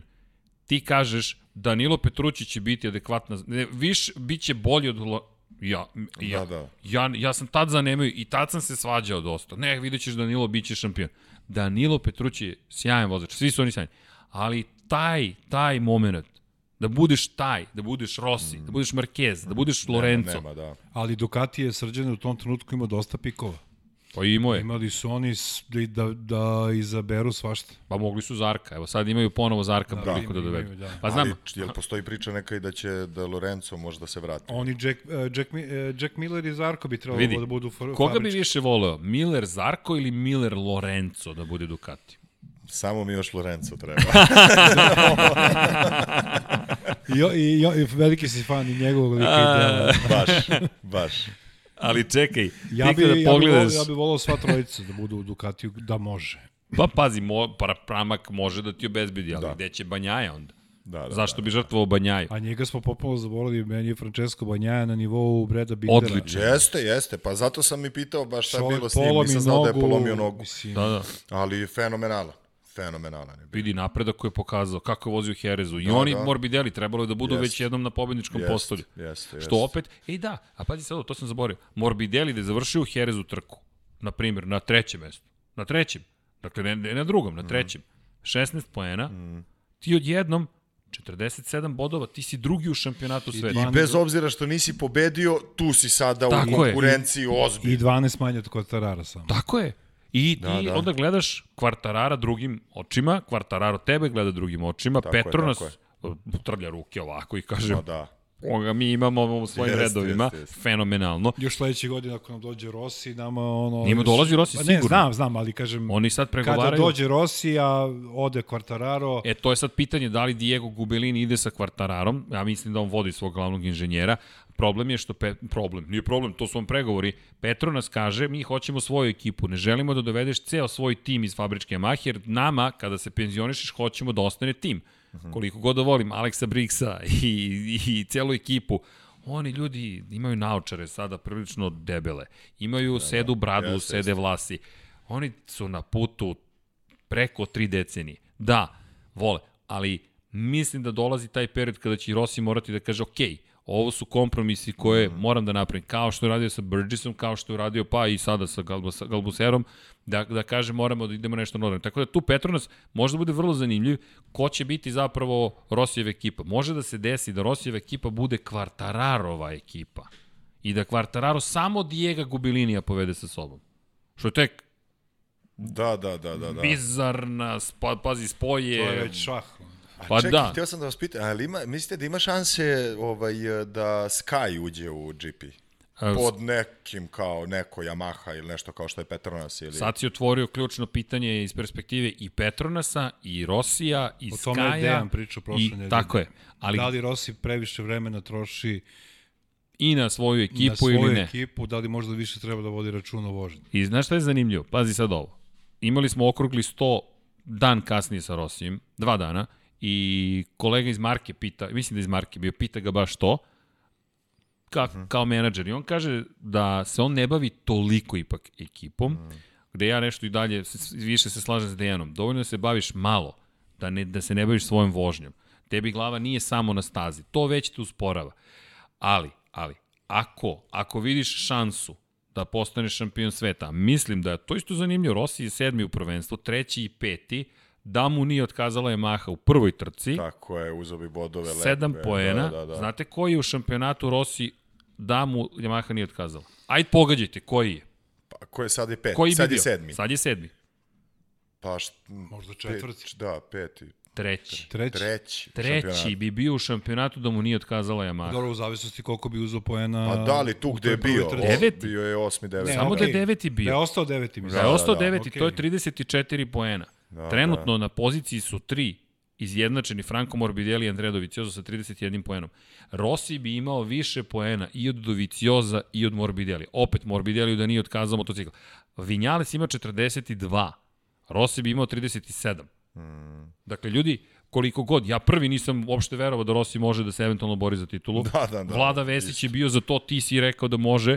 Ja sada gledam i razmišljam ovako. Rossi uspeo da nagovori Yamahu da mu dozvoli da pripremi motocikl da. kako on hoće. Treće, peto mesto, ali peto mesto u kojem je ispred Kvartarara, ispred Vinjalesa, o Vinjalesu tek 14. mesto. Katastrofa da. u Brnu i zašto nikad nisam ni pomislio, dakle od 2017. će biti šampion, baš zbog toga. Vratno najlošija trka kada je došao u MotoGP. Da, ali pogledajte kako se stvari slažu, koliko je ovde sad stvari otvoreno, gde malo i podsjeća opet na sezone iza nas, za Markeza. Mm -hmm. Markez koji stalno ima drugog rivala. Kvartararo, Kvartararo, sada Binder.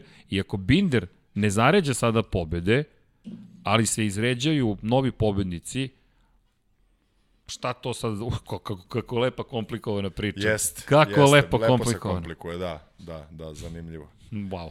A znaš šta, nismo spomenuli, nismo spomenuli, evo, Maverika Vinjala se koji drugi u šampionatu. Za mene najveće razočaranje i mislim da su, pa ne mogu da kažem da je Doviciozo veće razočaranje od Vinjalesa, nije. Vinjales nije povređen, ima Yamahu koja je bila na poziciji broj 2, poziciji broj 5, poziciji broj 7. On je 14. Neverovatno. Neverovatno.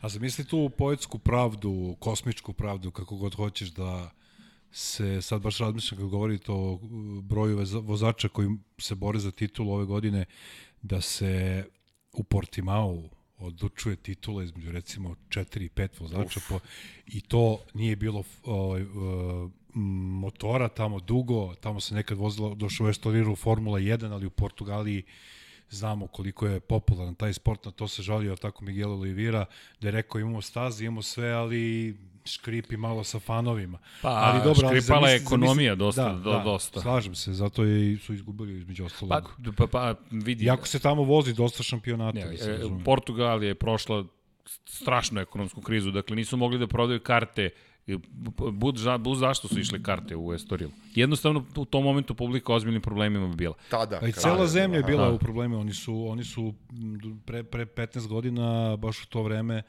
bili zemlja sa najvećim brojem narkomana po glavi stanovnika. Između ostalog je to bio problem. I Dobro, sirotinja. Oni da, su, ono... Vidi, pa znaš kako, um, to je problem jednog društva koje je uspelo mnogo toga da uradi pozitivno u poslednje vreme. Ne znam da ste pratili njihov ekonomski oporavak. Naravno, COVID-19 je... Rasturio sve. Da, ali činjenica je da su imali zaista lep napredak. Međutim, činjenica je takođe da ima, postoje još jedna stvar, osim toga da finansijski nije moglo da se, da se prosto postigne to što je neophodno, kada pogledamo kada pogledamo uticaj koji postoji, ti ako pogledaš, uticaj je mnogo važan. Dakle, često se priča o špancima u kontekstu toga da samo žele španski vozači. Ne, iz perspektive biznisa njima je bitno da bude što više ljudi sa različitih područja. Ali, kada ti imaš toliko staza koliko Španija ima, kada imaš taj uticaj koji imaš, po prirodi stvari će se gurati napred. Međutim, Portugalija to još uvek nema. Oliviera će to možda promeniti. Italija to jedva ima. Ali sada ponovo, posle svog truda koji uložio Rossi zajedno sa italijanskom federacijom, Samo pokazati kolika je podrška potrebna sada u kontekstu da kad su klinci tu, savezi, staze, organizacije i tako dalje, da bi ti nešto postigao. Tako da Portugalija, pazi, ima staze. I to dve sjajne staze. Ali ako nemaš celu infrastrukturu, timove, vozače... Da, ne može da izdrži. Nema toga. Nema. Pa vidi, ti znaš, uh, mi se svi bavimo u javnom radu brojevima u kontekstu toga, a koliko to ljudi je gledalo? Tako je, tako je. Ako nema ljudi, Naravno. Znaš, Džaba sve, da, da. džaba, koliko god da je to možda lepo. Na, mi, mi, imamo, mi, smo, hajde, sebi napravili, vidi, tvorište za igru, sebi smo napravili studiju, zašto? Ovo volimo i ne patimo za brojevima na taj način, ali isto tako, da MotoGP nije gledan toliko koliko gledan, da Formula 1 nije gledan toliko koliko gleda. Pa teško da bismo baš privukli pažnju gledalaca. Da, da, sigurno, Ko zna, sigurno. možda da pričamo šta si čitao, Džanki, koja knjiga, naš, Da, ali, da, da, neke... ali budimo realni. Ali se Formula isto toliko gleda. Mislim, vi znate te brojeve i to kod nas. Pa, znaš šta je zanimljivo? Moto Grand Prix je značajno skočio, ali da. Formula 1 je imala mnogo veću istoriju. Dakle, Pa, da, da. kada da. pogledaš koliko je praćena, da, ali, ali MotoGP u jednom momentu čak pretekao Formulu 1, ali ti to mnogo zavisi od toga koja je situacija, kakvo je stanje u šampionatu i naravno, hajde da pohvalim celu ekipu koja to radi. Sport klub je stvarno uradio mnogo toga da, da, da neću ne da to nazovem popularizacijom, da uopšte bude prisutan MotoGP da, za da, da. Tako ja se sećam moj Ćale, ja kad sam klinac To sam htio bio... te pitan, da. Čale i Deda. Pređemo na tu To temu. je meni da. zanimljiva Pa da, tema. da, da, meni ono, krv, krv nije voda, nego je benzin. Nego benzin, tako je. da, da. Ovaj, eh, ja se sećam to klinac kada sam bio, kod mene se gledala, pošto Ćale moj je isto ceo život motori, eh, predsednik motokluba Beograd i tako dalje, ovaj, em, i onda nedelja, trka, tada je bilo, mislim, na Eurosportu, Jeste. ovaj, su bile da. trke, ali to je gledalo jako mali procenat ljudi u Srbiji, tada je formula bila, u, ovaj, gledala se, pratila se samo formula, i kod mene u kući je bilo uvek nedelja, ne sme se priča, ne sme se prolazi kroz dnevnu sobu, prate se, prate Religija. se trke, ma da, to je bilo uf, na kom nivou, ono, neko dođe, došao mi, sećam se prijatelj, jedan iz Banja Luke, i kao ulazi da se javi, a Ćale kao, mhm, mhm, Kao, čao, čao. I onda gleda, gleda kad se završila trka, te, gde si, ve, I ono, izgrlio se s njim, nije ga vidio dugo, ali dok je trka, Nema, nema, nema. samo je to. Tako da, da, to što kažeš, nije, nije bilo gde da se gleda. Ali kad sam evo već čačno ovu temu, uh, da, A čekaj, moram da izvini, za pomenem koga je Deda. Čale navio? Za Rosija. Vidi, Od to kada su generacije pojavio, da, sada. Da, da, generacije. Od kad se pojavio, da, od ono kada je već još bilo sa Bjađijem, uh, Haos, uh, od uvek je bio Rossi. dakle, Rossi. to je, pa dobro, dve i po deceni čovek u... Pa da, pa da, zato što, mislim, bez obzira na to dok oni, jer oni su pratili stvarno, ti, ta njegova bajkerska ekipa, oni su pratili razvoj Jeep, MotoGP-a ovaj, i popularizaciju Jasno, opštu.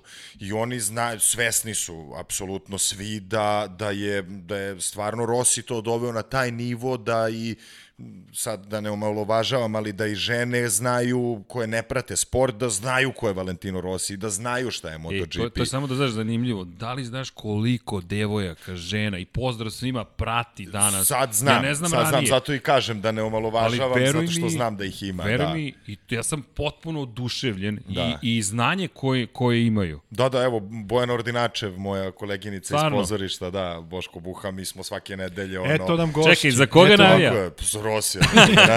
Ček, tražim Markezovca. ovaj, ne, pa ja ih ne znam, stvarno. Evo, moj kolega isto i drugari kolega, Radovan Vujović, isto ovaj, Rossi, mi svake nedelje pratimo trke zajedno. Okay. da- samo se povećava spisak.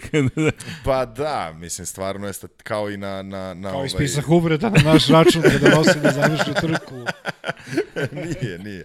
Nije. Ovaj, eh, da, eh, ne znam šta smo... Vidi, pričali smo o, o Ćaletu i kako E, e, da. se, i, i, i ta cijela ekipa kako je navijala i kako se je Rossi suštinski zaista promenio sport i da ne je. ni žene, Tako pri je, čemu n- b- ljude koji generalno nisu nužno toliko pratili, jer vidi, dobro, za Rossi zna praktično svako, to jednostavno je postao neko Jest. koji je međunarodno poznat i samim tim i motociklizam učinio toliko poznati. Apsolutno, apsolutno, I, i da. pomerio ga. Evo ga Duanov ovde potpis. Mm. Duan koji je osvojio Da, da. Pet titula Tako za je, redom, tako je, tako je. ali kod Duana to stalno pričam, njegove proslave su bile hvala, pehar, šampanjac, ćao. Da, I da. žurka posle. Da. Duanove žurke su bile čak bolje od Rosijevih, ali ali to se, ali to se nije Ne znalo. zna. Da, To da, da. samo Na stazi zna se, biznis, završeno, pobeda i nema čekam pet krugova pre kraja. Ja sam danas brži. Ok, čao.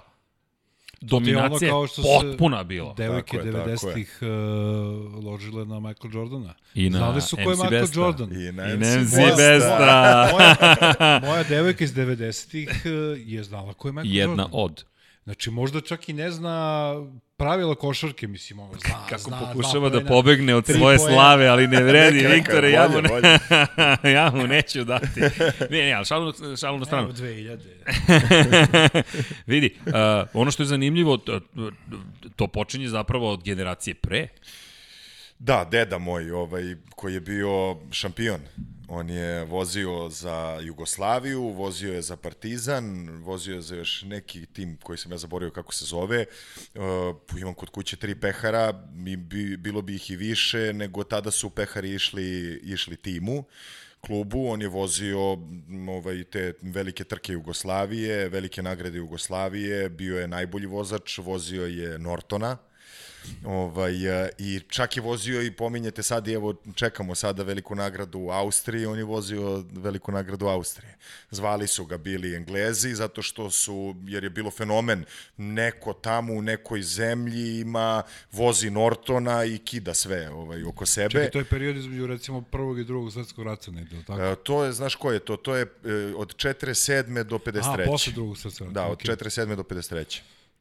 Ovaj, ma i tu postoje lude priče, pošto vreme je bilo tako kako je, njemu su čak jednu titulu uzeli posle te velike nagrade Austrije, jer je, ovaj, Englezi su ga zvali i on je imao sad, to mi je me- meni tata objašnjavao, ja se ne razumem toliko ovaj, kao u, u, u motore same, pa mi on objašnjavao šta, viljuška mu je bila ovakva, sve je nešto druge delove koristio i Englezi su bili šokirani tim, pa su mu dali kada su ga pozvali tamo, on je završio sedmi tu trku, ovaj, eh, dobio je novu viljušku, novo sve, onda kada se vrati ovde optužili su ga da je prodavao informacije Englezima i da su mu zato dali i onda su je bio u zatvoru, uzeli su mu titulu. Wow. Ono, Da, da, potpuno ludo vreme.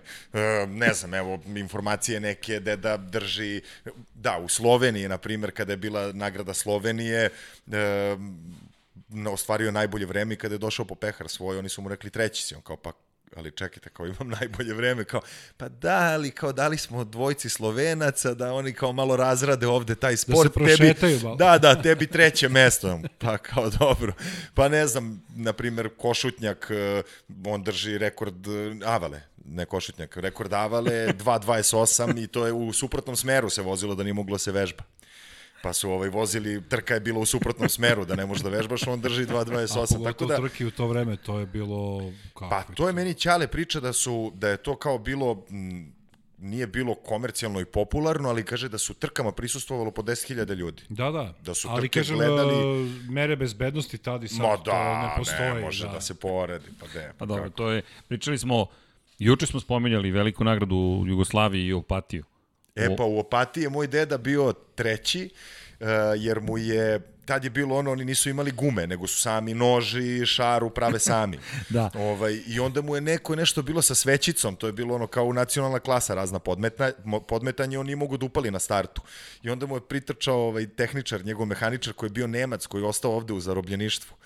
Ovaj, on mu je bio mehaničar i onda su nešto uspeli i on je završio, ovi su ga maltene za krug ostavili i stigao je treći je bio. I imam, to je zanimljiva priča, imam taj pehar kod kuće koji je ulubljen, jer je, ovaj, to mi je baba pokojna pričala, Marija, deda se inače zove Ljubiša Savić, ovaj, eh, Kaže, oni kada su došli, kada su videli pehare poređene, baba je rekla, jao što je sladak ovaj mali pehar, mnogo je sladak i on kao ćuti, nemoj me baksuziraš. I onda kad se sve to izdešavalo, on je dobio taj mali pehar i onda je ušao u sobu i bacio ga kao pod, kao evo ti tvoj slatki pehar i taj Zajar. pehar ima ulu, ulubljenje, da, da, da. Znaš šta mi je zanimljivo? Koliki peher je dobio Brad Binder sada? Nikad manji Da, peher. ono je ono Za prvu neko, pobedu. ja. Bio 15. ali olinski pehar nikad vredniji Jeste, pehar. stvarno, da. ali fenomenalno. Jel čekaj, meni ovo, ne- ovo je meni fascinantna priča. Ja iskreno nisam znao. Džanki mi je rekao, slušaj, čovjek će da ispriča priču. Ja sam rekao, ok, slušam je prvi put u podcastu, ja sam fasciniran šta si sada ispričao. Da. Znaš, meni je to fenomenalno. Jeste, pa jeste, pogotovo za to vreme. Sećam se ja priča tih kada sam bio mali, jer ja od kada sam bio mali susrećem se sa garažom, motorima, preko tate, naravno. Ovaj, čak to sećam se davno, on donese motore u kofama i onda je zima i onda on u podrumu ode i celu zimu čačka sastavi ceo motor i onda ga rasturi jer ne može da ga iznese tako i onda ga kad dođe leto sastavlja u dvorištu. Ovaj, tako da sećam se tih priča, deda je vozio krug smrti, onaj čuveni, to mu je bilo... A to je ono na vašarima. Na vašarima, da, da, da, naučio ga je neki tip bio, onda i on to vozio, tako da stvarno postoji, postoji nešto Mada što... realno opasnije oko avale nego krug smrti. Iskreno. Da, Pa, da, pa oko to, pa to sve opatija danas, to bi bilo nezamislivo da neko spomene da se vozi ulična trka u MotoGP-u. Da, da, da zamisli da neko dođe kod Markeza i Rossi i kaže, momci, a, imamo sjajnu trku, vozi se na ulici. Da, da, da, da, Znaš, da. ne, nije ovo Isle of Man. Dakle, ne, ne, ne vozimo. Isle of Man još uvek se vozi, svi koji žele da vide to, to je posebna priča. I posebni ljudi. Da, da. Šta, to je... Isle of Man, to Lem, ti je... Le Mans. Ne, ne, ne, to Isle of Man ti je ta, te, te, te, te, te, TT se zove turistički trofej. To je trka koja se vozi na ostrovu Man. A pa to, Le Mans, da, da. Ali uh, fora je tome što je to trka jedina koja se još uvek vozi, pošto Isle of Man pripada britanskim o- pri, pri, pri, uh, i arhipelagu tamo i pripada zapravo Commonwealthu, koliko ja znam. Isle of Man ima svoja pravila, ali je point u tome da ti ideš na jedno malo ostro tamo severo-zapadno, ja mislim da je od uh, Škotske, i voziš kroz To nije klasična staza, znači To- to nije je- kružna staza. Da, da, voziš- kroz grad. Da, Gledao sam ali više puta to. to, To, da. to, ali kroz, kroz Boleština. britanski countryside u suštini. da, da, Mali da, da. zidići, mi smo tu u To čak i pubu. ginu svake godine Da. ima smrtnih Da, slučajeva. nažalost, ginu, baš dosta. Nažalost, i to je, to je opasna trka i, i zato, se zato i ni ne vozi. Imali smo Još- jednom krug kralje bogova.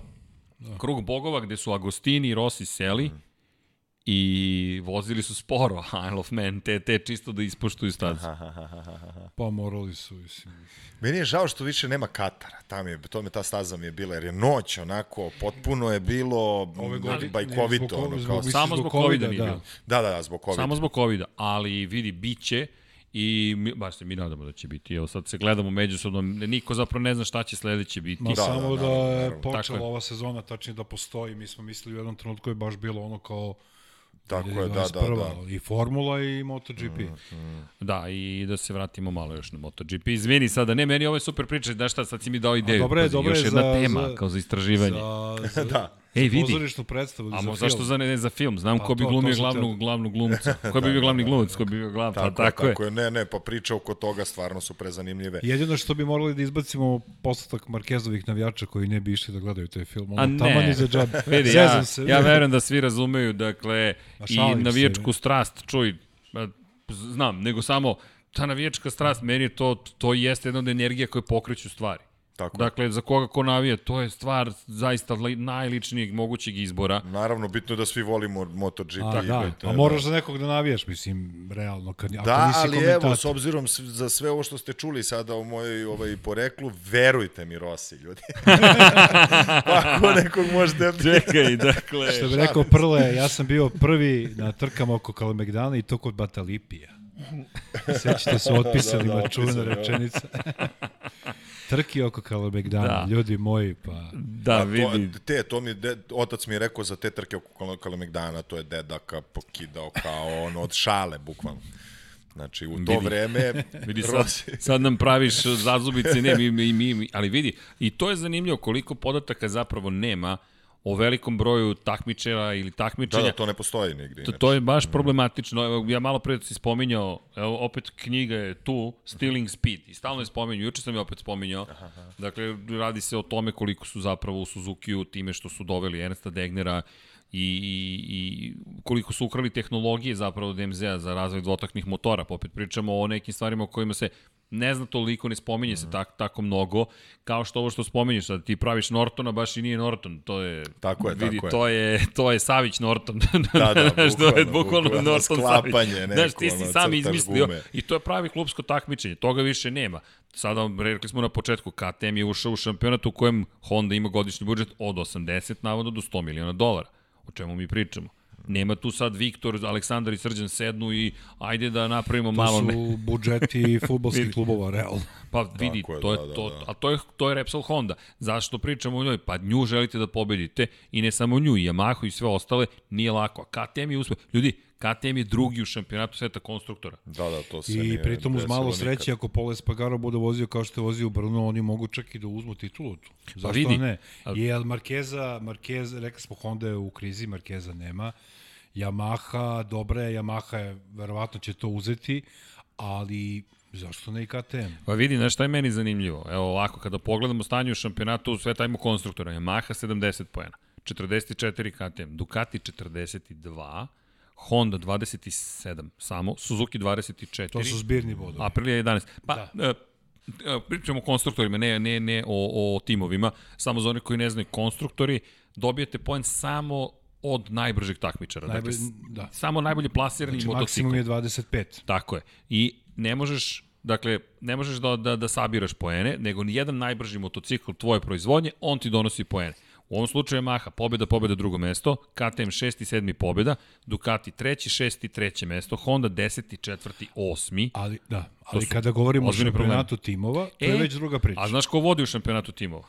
Mislim si rekao, e, Petronas i Maha. Tako je, da, 90 da, da, da, poena, da, ljudi. Da, da, da. 90 poena ima Petronas. Znaš ko je sledeći? Znate ko je sledeći? Monster Yamaha, 69 poena. I onda dolazi Red Bull KTM mm. sa 47.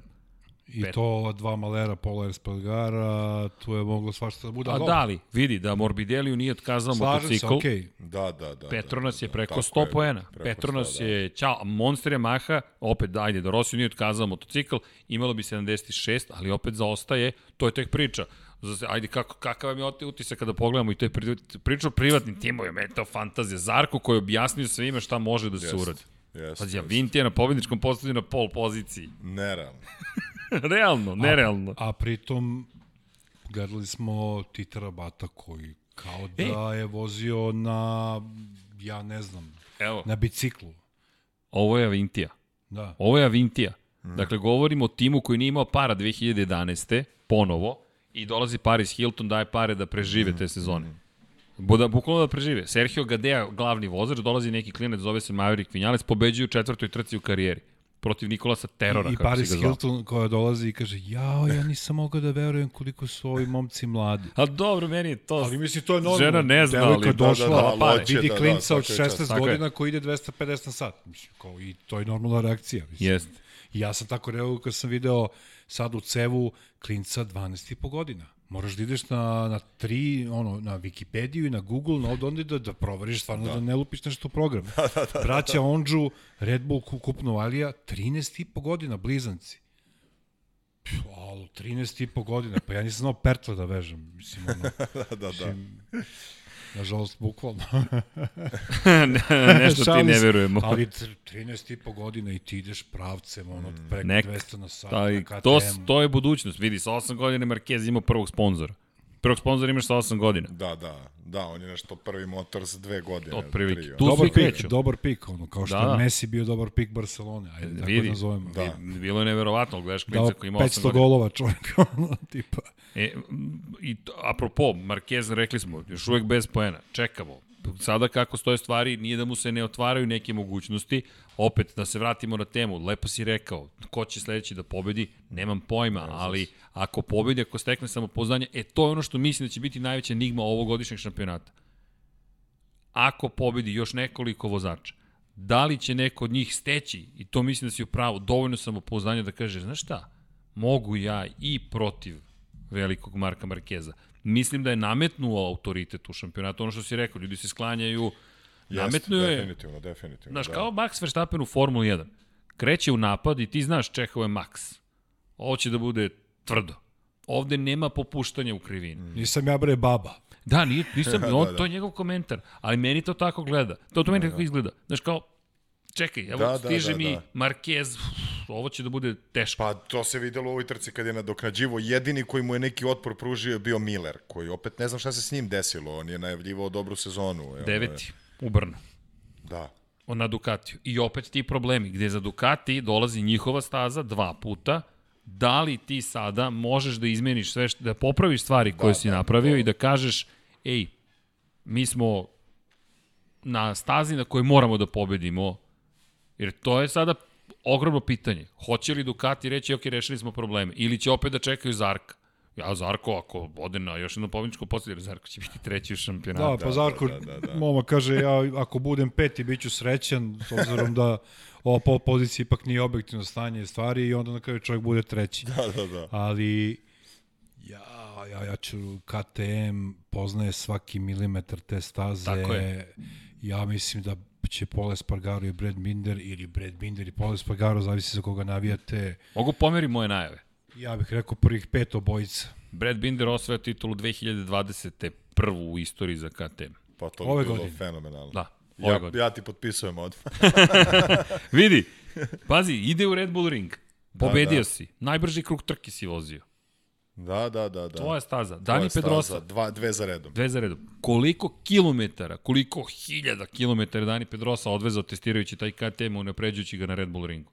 Mm. Beskonačno mm. mnogo. Znači da podaci su beskonačni. Tako je, sve tako imaju. je. A gde je testirao? Testirao je u Brnu takođe. Evo sad je, pre dva, pre dva dana je bio u Brnu ponovo. Testirao nove delove za, za KTM. KTM nastavlja da razvije svoj motocikl. Spielberg posetio ga je pre još. Oni su spremni. Oni su bukvalno spremni za, za, za svoju trku. Tako je. Te, te emocije koje će Binder doneti sa sobom, ja sam pričao se, i onda kad se vratim na njegovu Moto 2, ka, sezonu prošlogodišnju, ili 2016. u Moto trojkama, mm. ti gledaš čoveka koji je konstantno brz. Na KTM-u. Sve su to KTM-ovi. Da, da. Znaš, da, da. pobeda, pobeda, to je ono što si ti rekao, i onda ideš u, a pri čemu govorimo o, o, o snazi na kojoj je snaga neophodna. Snagu od početka ima KTM. Tako da mislim da je, da je ovo sezona Breda Bindera, da ćemo najbit, gledati Stonera 2. Najbitnija stvar, uh, u, no, aj tako kažem, u normalnoj godini ti možeš da uzmeš 25 pojena u Austriji. Ovde mogu da uzmu 50. Tako je. A ista staza, ista sve, samo se drugačije zove. Da. Znači, to je dupla šansa za KTM da uzme jedan njihov vozač 50 pojena, zašto ne? Bodove, da, da, da, da, da napravi da razliku. Pa naravno. A znaš ko je po meni u problemu ne bi bio na ovoj, ne, da je neka druga staza? Suzuki. Ne znam da li Suzuki može. Četvrti je bio Alex Rins, da. svaka mu čast. Da, Kako da, odvezao da, da. povređen još uvek. Jeste. Nije propustio jutarnji trening, to ono što si ti rekao, odmorio. Da. I četvrti na kraju. I malo mu je nedostajalo. Malo mu je nedostajalo. Malo. Kao i Rosiju. ne, šalim se, ali ja stvarno mislim da je bilo još jedno dva, tri kruga da bi se Rossi sad kidao za, za, za podijum, sigurno. Pa mislim da su i njemu i nisu falile bolje kvalifikacije s obzirom kako su vozili trku. Da, da, da. Da, da, da Rosiju čak i bolji start. On je da. nešto i odmah da, to je uvijek bio problem za njega. Jeste, jeste, jeste. Ali ranije kad je bio mlađi, naravno, to nije bio toliki problem. Pa i drugi se... MotoGP. Naravno. Koliko vozača je bilo u jednoj, u i po desetinki? Da, U jednoj imali smo, šest vozača da, da, šest imali vozača, smo, ne, imali da. smo uh, uh, koliko je bilo 11 vozača, ne, 14 vozača je bilo, uh, ne, 11 vozača je bilo u pola sekunde u MotoGP-u. U Moto3 je bilo 4 vozača, u Moto2 kategoriji u pola sekunde je bilo 3 vozača samo. Znači, MotoGP da, da, imao najmanje razlike. Neka smo govorili, Pa dobro, Moto3 to se očekuje u sekundi 18 vozača, to nije nikako iznadženje. Ako zaostaješ 7 desetinki, nemate u prvih šest startnih redova. Sad u MotoGP-u sa pola sekunde ti si peti startni red, recimo. Na primjer. Mm, peti startni red. I gledaš i brojiš ispred kao sebe. Kao 7 desetinki i, I kažeš, za glavu, ja da kao, ka, gde sam ja? Kao. Bukvalno. A ranije je bilo sa, sa, sa pola, pola sekunde, ti si recimo sedmi, osmi dobar i najdalje. Si, dobar okay. si. 2012. u pola sekunde je bio si treći. Pa to. Bio si treći, nije bilo da, motocikala. Da, da, da, da, tako to, to je. Zato, je, zato je mene oduševio Brad Binder, pazi, on je, nije on pobedio u poslednjoj krivini, on je odmako 5 sekundi, imao najbrži krug trke, nije to, to, to je ono što mene, mene oduševljava i to je ono zbog čega mislim da bi mogu da pobedi na Red Bull ringu. Ja bih voleo. Mogao bi da. Da on stekne samopouzdanje, jer na, treba, potrebno je sad stvarno neka ovaj, kontrateža Markezu. Pa pre bih rekao da je Brad Binder opasan, opasan, opasan za Markeza nego e, Kvartara. Isto, isto, isto. Mislim da je, isto, isto. Mislim da je Brad Binder, njega smo upoznali ono što je Srđan pričao. U Moto3 klasi tačno se videlo kočoperan, bezobrazan, ona pozitivna, ako možemo to kažemo, bezobraznost, znači ona i drskost. Znači, ne dam na sebe, ne dam ono, laktam se, sve to ono. Posle tu je malo bilo problema, ovo ono, u zavisnosti od ekipe, onda je došao Moto 2 i video si, tačno znaš trku kada će čovjek da pobedi. Mm. Vu, vu, vu, vu, nema. Zato ja mislim da i on velika opasnost za Markeza u onom sportskom smislu, naravno. Tako je, tako je, da, da. I ne, ne kažem da Quartararo nije daleko toga, čovjek je vrhunski vozač i mislim da će biti još bolji. Ali Quartararo je problem sledeći. Pobedio sam, to su od mene tražili, ali sad od mene traže da budem svetski šampion. Nema drugo. Znači, da li Quartararo može da se bori sa tim psihološkim pritiskom? Mm. Meni više ništa ne priznaju pogotovo u ovoj godini, nego da budem svetski šampion. Da, da, da, da. da. Ja sledeće godine, ove godine Marquez neće osvojiti titulu. Uf, realno. čekaj. Stani, Nije to, ja nisam stani. siguran. Ne, pazi. Ja nisam siguran, Ako se, ako se vrati 100% spreman, ima šanse. Ali daj da, da razumemo i da on dečko, pitanje je da li znaš, nije to baš Da, zicer. vidiš ono. da je Quartararo možda uzeo opet, možda bi to bilo izvesnije, ali ovako sa ovako uzme ovako, Ne. sad uzme neko drugi, ako to je opet se negde raspodeljuju ti bodovi i veća se, šansa o- za okej, njega. Okej, ali kažem ti, ova, ova sezona je mnogo veća šansa za, pola, za Quartarara nego što će biti sledeća. Pa, Da. da. okej, to jeste, ali da. vidi, ali apropo Marquez, S njim Ja- ne, ne, ne, nije ne, se zezati s Pa njim. da, ne, ne, i- ali ja sam siguran ljudi da on... Da, znaš na koga mene sad podsjeća ovo? Thomas Muster, 91. U Kibiskeinu on pobeđuje, osvaja titulu i jedan je od najtalentovanijih tenisera u tom trenutku, Austrijanac inače, za one koji ne znaju, Levoruki. kasnije poznat tako je kao kralj šljake, pre Nadala i pre celi nove generacije koju predstavljaju Nadal, Đoković i, i Federer. Muster ne može da se kreće, jedna noga mu je potpuno imobilisana. Šta radi? On vežba na šljaci, to jest vežba i on sedi, noga mu je ispravljena i on udara lopticu. Trenira trenira i vratio se i mislim da je imao preko 40 pobjeda na turnirima na šljaci, uključujući i osvajanje Roland Garros. Nikad nije više mogao da ima tu pokretljivost i brzinu na, na tvrdim površinama. Ja sam ubeđen da, da, da Rossi, Marquez. da Marquez, da, vidim ovde Rosija i ti si da. savu žutište. Dakle, da, da je Marquez taj koji se sprema i a, da se vratim na ono što si ti spomenuo. Da, treba da se obuzdaš, treba da se... Ali vidi, njemu je ovo on je vrlo svestan čovek. Možda poslednja prilika da zabeleži pet titula u Naravno. MotoGP-u za redom. Ljudi, ako ove godine ne osvoji titulu, da bi došao do pet, on mora da osvoji 2021. 22. 23. 24. 25. Da, Da, da bi da. došao do pet za Da, redom. da, da, da. Ljudi, to je sve ovo što je uradio, pa ajde ponovo, Ponovo, sve to da, da, da, da. protiv klinac, a on će tad imati, izvini, 32 godine i dalje će biti veoma mlad čovek. Mm. Ali čekaj, ti sada ležiš i kažeš čekaj, ja sad treba da krenem ponovo da osvajam titule, da bih postigao još jedan od pretpostavljenih ciljeva, nikada on nije eksplicitno rekao, ali ja sam prilično siguran da on želi da pokaže da je bolji i od Rosije, i od Agostini, i od svih. Ali to je teško. Zato mislim da kad se vrati, da će rizikovati podjednako kao i do sada. Sigurno i to može da ga, jedino to može da ga zezne. Ja mislim to. To je rizik. Ta nervoza oko toga možda osjećaju u nekom trenutku nemoći, odnosno samopouzdanja kod drugih vozača koje će opet da utiče na njegovo i tako dalje. Mislim da će opet kao i ovo što se desilo, ova trka je bila u malom sve to. Dakle, ispo, imao si opomenu, ispao si, vratio si se, bio si posljednji, stigo si do trećeg mesta, ali ti si hteo prvo mesto. Na- Znaš, baš ja- ja- je onako jedan jasan znak. Ja samo da dopunim svoju izjavu. Da se nije desilo ovo sa Markezom što se desilo, mislim da bi sigurno bio šampion. Da, da, sigurno. Mislim, to je moje mišljenje. Ja mislim da je trenutno najbrži vozač. Daleko toga da ne mogu da ga pobede, ali mislim da je ipak za koju nijansu ispred svih. Međutim, kad sada ovo kad se desilo, ovo skraćena varijanta, znači nemamo više uh, maltene da jedva imamo dvocifreni broj uh, trka, uh, mislim da će Austrija biti izuzetno bitna. Prvo, vozi se u nedelju dana dve trke. Da. Koliko Quartararo recimo dva puta pobedi, na primer, to je 50 bodova. To Marquez ne može da stigne do kraja sezone. Da, Da, mora da. da. pobedi recimo pet puta za redom, a, A da ovaj ne a- završi. Da ne završi. Da, to Petronas ali- ali... Yamaha neće dozvoliti. Ali, ko ti kaže da će prvo Da da pobedi. Quartararo da pobedi, Tako je. možda ponovo bude sedmi, možda Tako mu uh, rikne motor da se Ma da, da. narodski i, i možda bude neki 60 bodova on Marquez da se vrati i da kaže ček, ček, ček, ja povežem dve, tri pobede, malo neki kiks, evo ga. Pazi ovo, Ma da.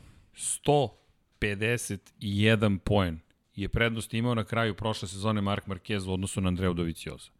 Fabio Quartararo tek je bio stigao dok se uhodao i tako dalje. 192 pojena na kraju, 420 je imao Mark Marquez, 420 ljudi iz 19 trka. Dakle, kada pogledaš, da li, da li može neko da da kaže, e, ne, on 100% ovih 14 od planiranih trka ne može nešto slično da postoji. Dakle, imamo pet manje, on je već propustio 3, propustit će 5, dakle 10 manje i u 9 trka on morate da nadoknadi. Čisto sad pričam, nemam, nemam odgovor, ajde sad razmišljam, onak, da u 9 trka da li ti možeš da nadoknadiš 50 poena. Nije nemoguće. Nije To je nemoguće. 225 poena, tako, Da, to je 225 poena. Da, da, da. da. ukupno. Znaš, a zabeležio 11 pobjeda u 2014. na početku sezone. Slažem se. Znaš, a meni ono što je super, nemam odgovor. Tako to, to je, je, tako je, tako je, tako Znaš, je. ko može da ti kaže da je ta Honda i dalje rešila svoje evo probleme? mi sad pričamo, ubismo se od toga da mi, mi ne znamo ko će da pobedi u. Austriji. Ma, Da, vidi. da. Znači, oni još Ni pet, blizu. barem pet kandidata svako ima. Ja mislim da Tako naši tako je, gledalci će da pet kažu, kandidata. dobro, oni što pričaju, ok, ali evo, evo recimo, možda, možda Maverick Vinales. Ma On lako je, može znaš, da se povampirio ovaj Doviciozo i, On i je- Vinjales, pa da su odjednom ono- oni stvore napred. E, Mislim, zamisli jed- dve pobjede do Vicioza. Jedna od najluđih trka i najboljih trka u, protekli, u Ne, ne, protekloj deceniji je upravo Austrija. Doviciozo protiv E, Marquez. i Da, znaš, da. znaš šta se desilo? Na YouTube-u, početkom jula, je ponovo počeo da se gleda finiš prošlogodišnje trke iz Austrije. E, Slučajno smo nešto smo Gde je radili. gospodin Srđan Jerceg dominirao, imamo gotovo, ne, ne, ne. gotovo milion pregleda. Pa, Nije, nije, nije, ne. Ne, ne, Nije. da, pri- 400.000. ne, ima, imamo na jednoj trci preko 900.000, to ti garantujem, To to, su mi rekli u presu pre neki dan. Ja, Mislim ja, da je Silverstone. Mislim e, da je onda je Silverstone. Silverstone. Milion pregleda. 900.000 nešto. Pazite to. To ćemo Okej.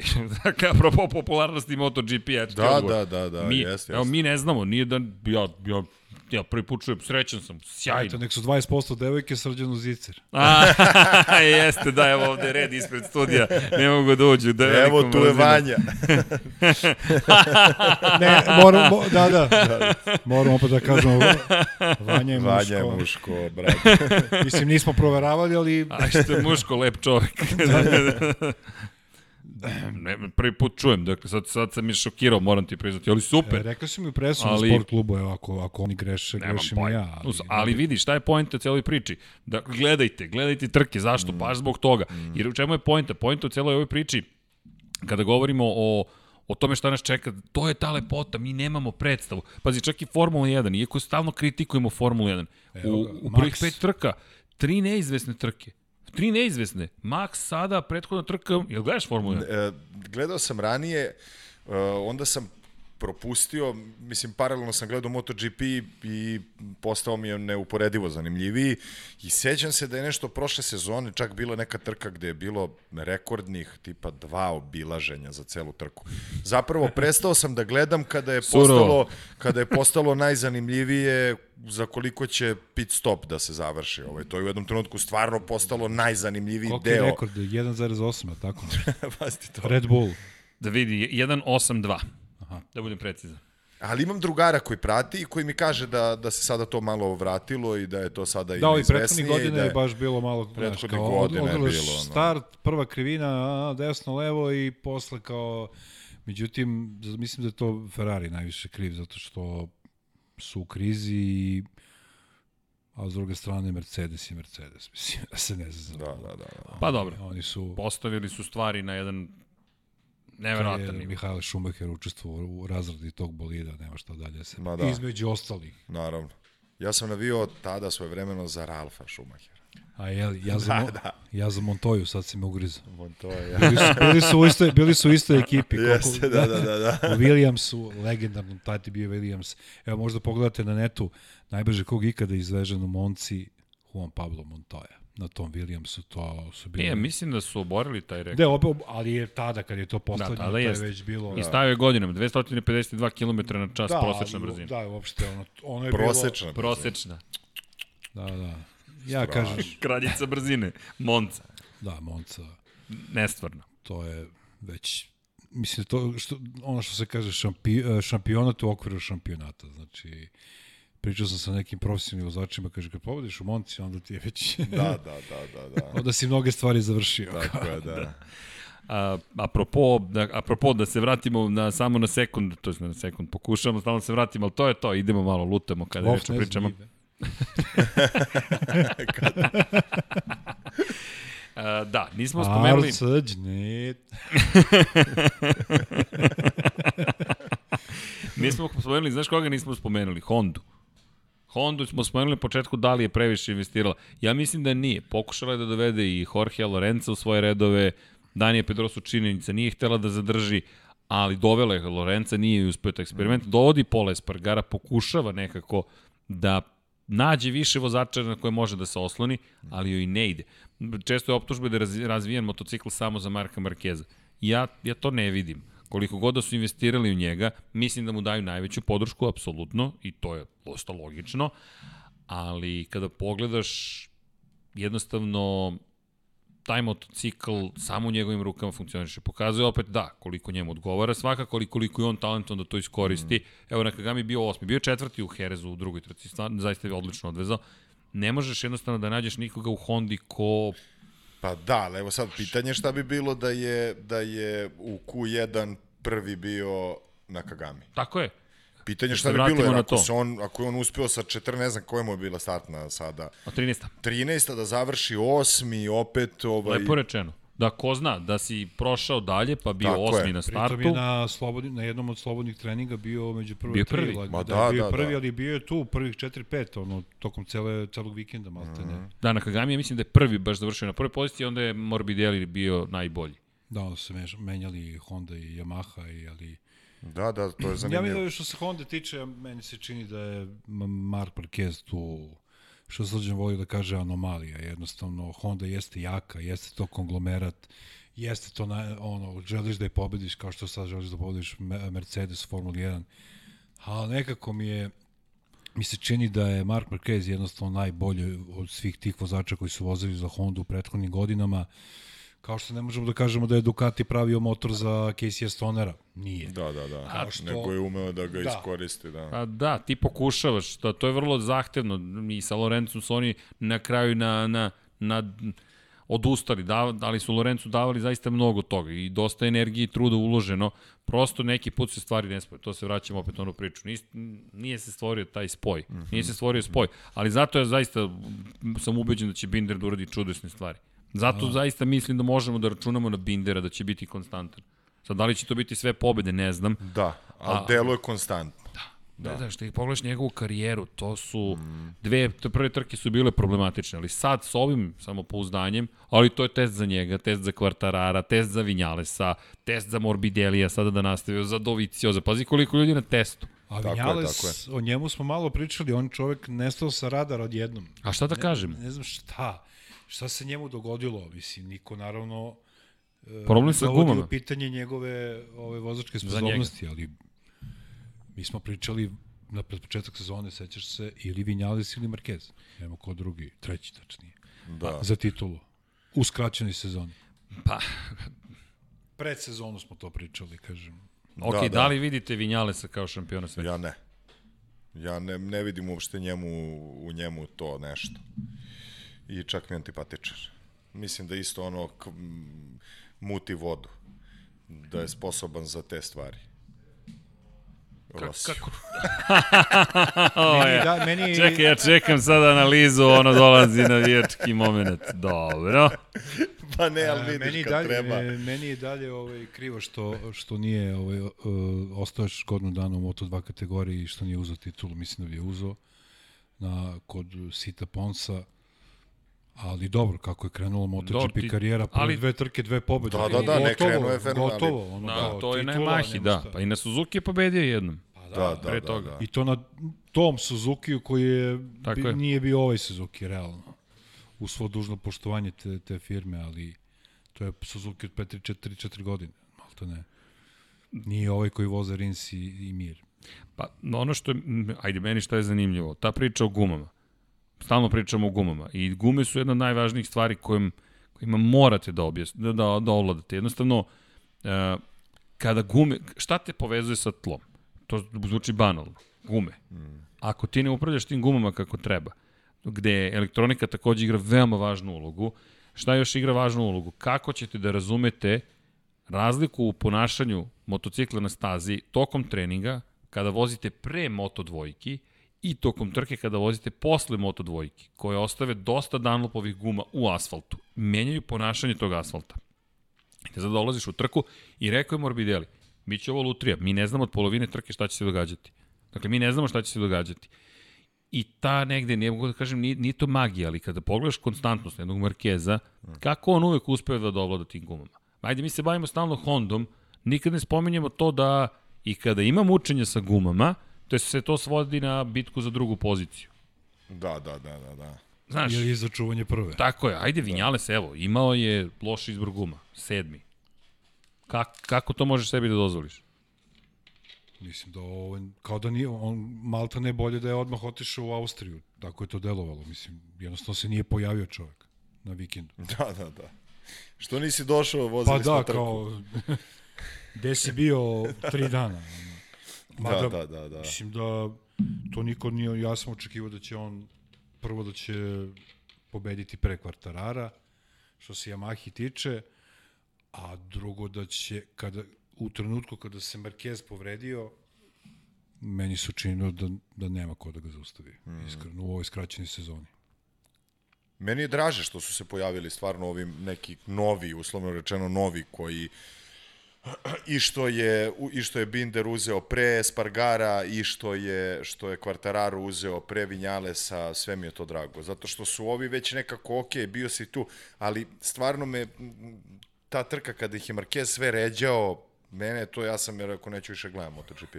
Majke mi, ali ne kao zato što je Marquez je najbolji, ne zbog toga, nego kako je ovo ponašanje, zašto mu se ovako sklanjaju, kakav je ovo, to viciozo.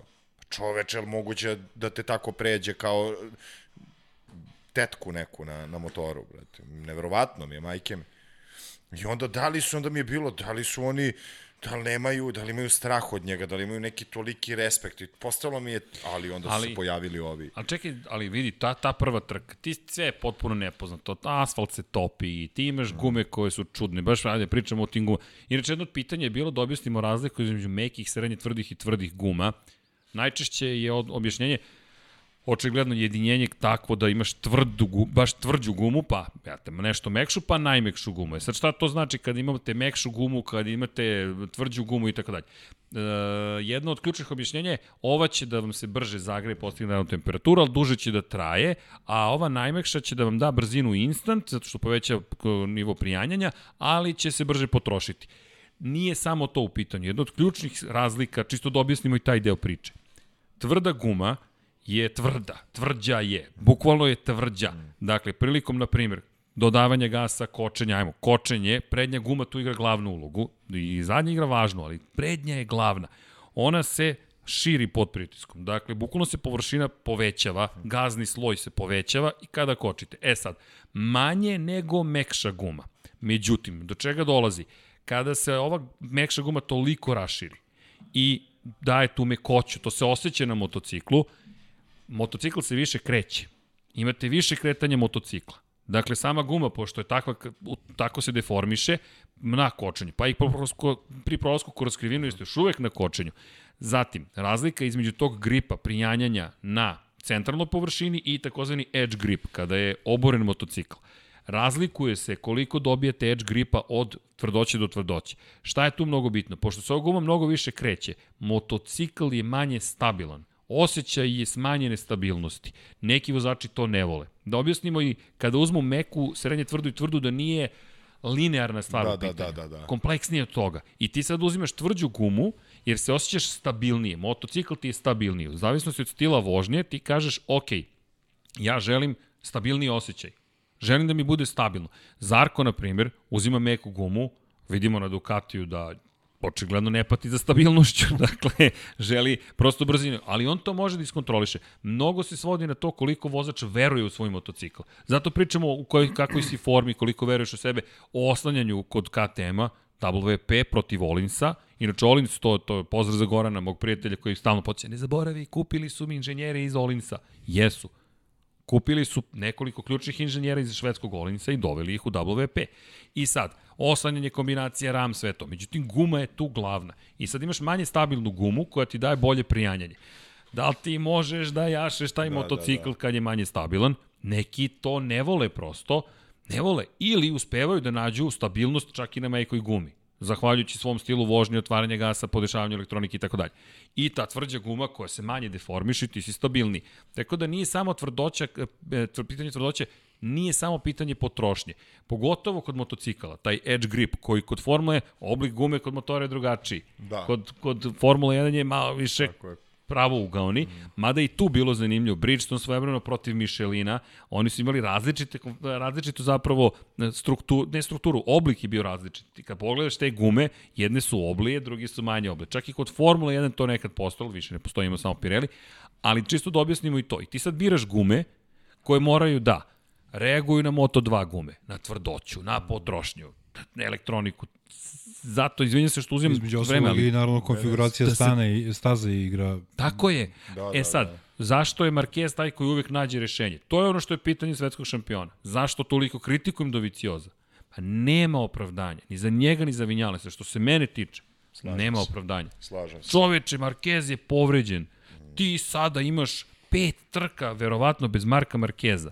I može da se desi da ti to... Zna... Pa vidi, ti sme, razumeš? Ma da, da, pet mene, pa trka. pa upravo to me nervira. Upravo to me kod njih toliko stvarno nervira da... Zato sam i rekao da se nisu pojavili stvarno neki ljudi ko, koje sad imam poverenja da mogu da se, da, da se nose sa svim tim.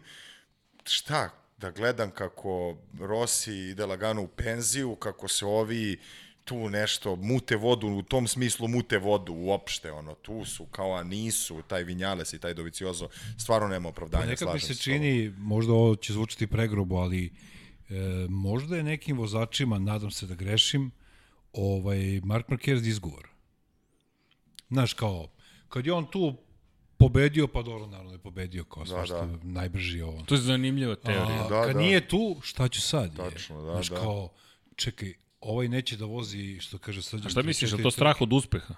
Pa da, strah od uspeha je jedna, jedan od najvećih strahova u životu. Veći od neuspeha. Spo, da, mm. ne samo u sportu, u životu. Kao šta sad, kao, znaš, kao šta da radim sad, kao imam, mm. imam, da snimim novi film, šta, ako bude super, pa posle snimim tri sledeće, ovi mi kažu nije ti ko onaj. Da, da, znaš, da, ono, da, da, da, da. Mislim, sad, sad kao, čekaj, Marquez vrlo vratno vratit će se, pobeđivaće u redu, ali teško će biti da odbrani titulu. Šta sad ja da radim, kako da se ponašam, jer sad ako ne pobedim, sad je neuspeh. Ako sam drugi, neuspeh. Ako sam treći, neuspeh. A u, u prošle Bolje da budem os. U prošle sezoni, recimo, u, u prošle sezoni pobedim i Mark Mez 5 sekundi, ja sam drugi, super e, sam. I to ti je zanimljiva teorija, sviđa mi se.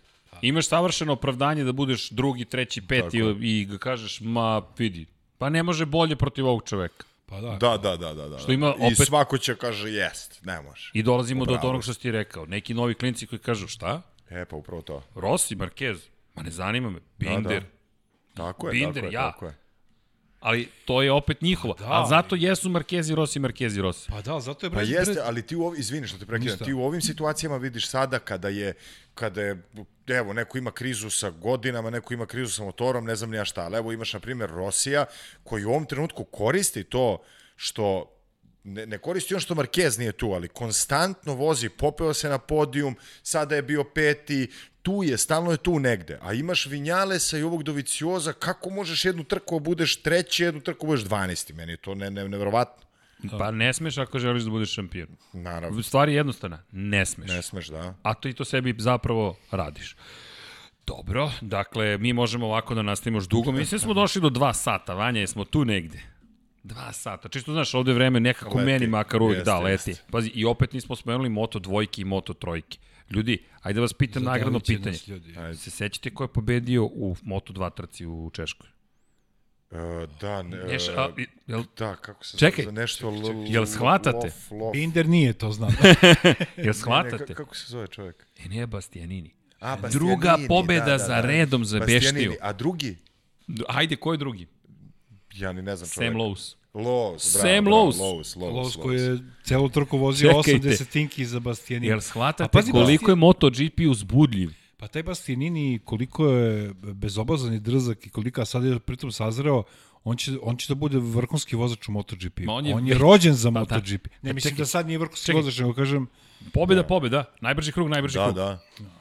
Čovjek je ču, fantastičan, a pritom mi ga nismo ni spomenuli jer pričamo o MotoGP-u. Da, da, I nismo ni završili analizu svih u Nismo, ne, ne MotoGP-u. Da, da. još stigneš sve.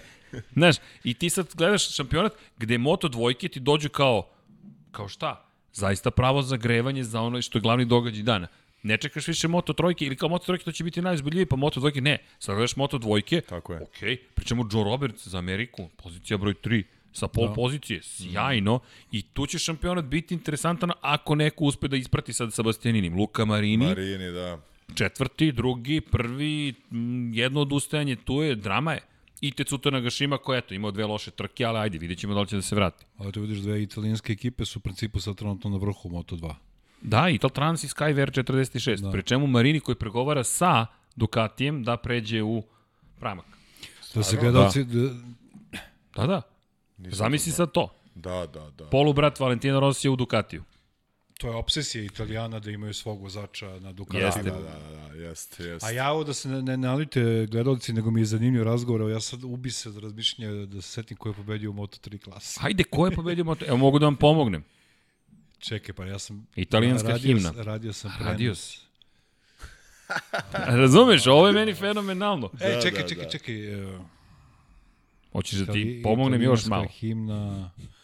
A daj, da reci ime i prezime, pa mi tako... Pomozi mi ime na prezime. Ima jedan strip, junak, za nas starije, napast mu je nadimak. Denis. Denis, a, Denis, Fo, Denis, Denis Fođa. Fođa. Denis Fođa, broj 7. Denis da. Fođa. Denis Fođa. Denis Fođa, neočekivani Čekaj, pobednik. Denis. Fođa. I Albert Arenas koji sa pol, ne polomljenom, ali sa ozbiljno povređenom nogom dolazi do druge pozicije. I vodeći u generalno. Da. I budući šampion sveta, Ajo Gura. Nemoj, nemoj da ga hvališ toliko. Ajo Gura Meni je osvaja Suzuki favorit, ali ne znam, valjda- možda zbog uh, što vozi za Sić 58, pa onda meni, Pa pazi, da E, nije izleteo sa staže, da. bio bi vrlo blizu. ali Ali je izleteo sa staze. Ali okej, svi izleću sa Da. staze, takva je sezona. Ali čisto da spomenemo Da, Moto da, dvojke da, i Moto da, trojke, da. nepravedno izostavljen. Inače, Arena sa 70 poena prednost ima, a i Ogure drugi u šampionatu. ne, misliš, John McPhee je treći. uh, 70 pojena ima, ne, da mislim da si rekao 70 pojena prednosti. A, izvinjam se, 70 poena je osvojio, a ima prednost od 18 poena. Da, da, da. A i Ogura drugi, drugi u šampionatu. I hoćemo da sad po, počnemo od Moto dvojke, imamo analize Moto trojke. E, kako gledaš trke? Jel gledaš sve tri trke ili Kako stižeš kad, uopšte? zavisi, zavisi od vremena, da. Da, redko kada, ovaj, najčešće i vratim trku jer ili imam snimanje ili imam probu neku ili imam predstavu, pošto igram u Dečijem pozorištu Boško Buha, sam zaposlen. E, to je lepo. Pa da, pa znači, između ostalog ti, ja. ovaj, i, tu su predstave i onda ovaj, eh, zna, ne ulazim na Instagram da ne bih video šta se desilo. Gasiš mobilni i sve Pa to. sve, sve, sve, da, da, A da. reci mi, šećer predstava, to, to nije u Buhi? Ne, ne, to je teatar na brdu.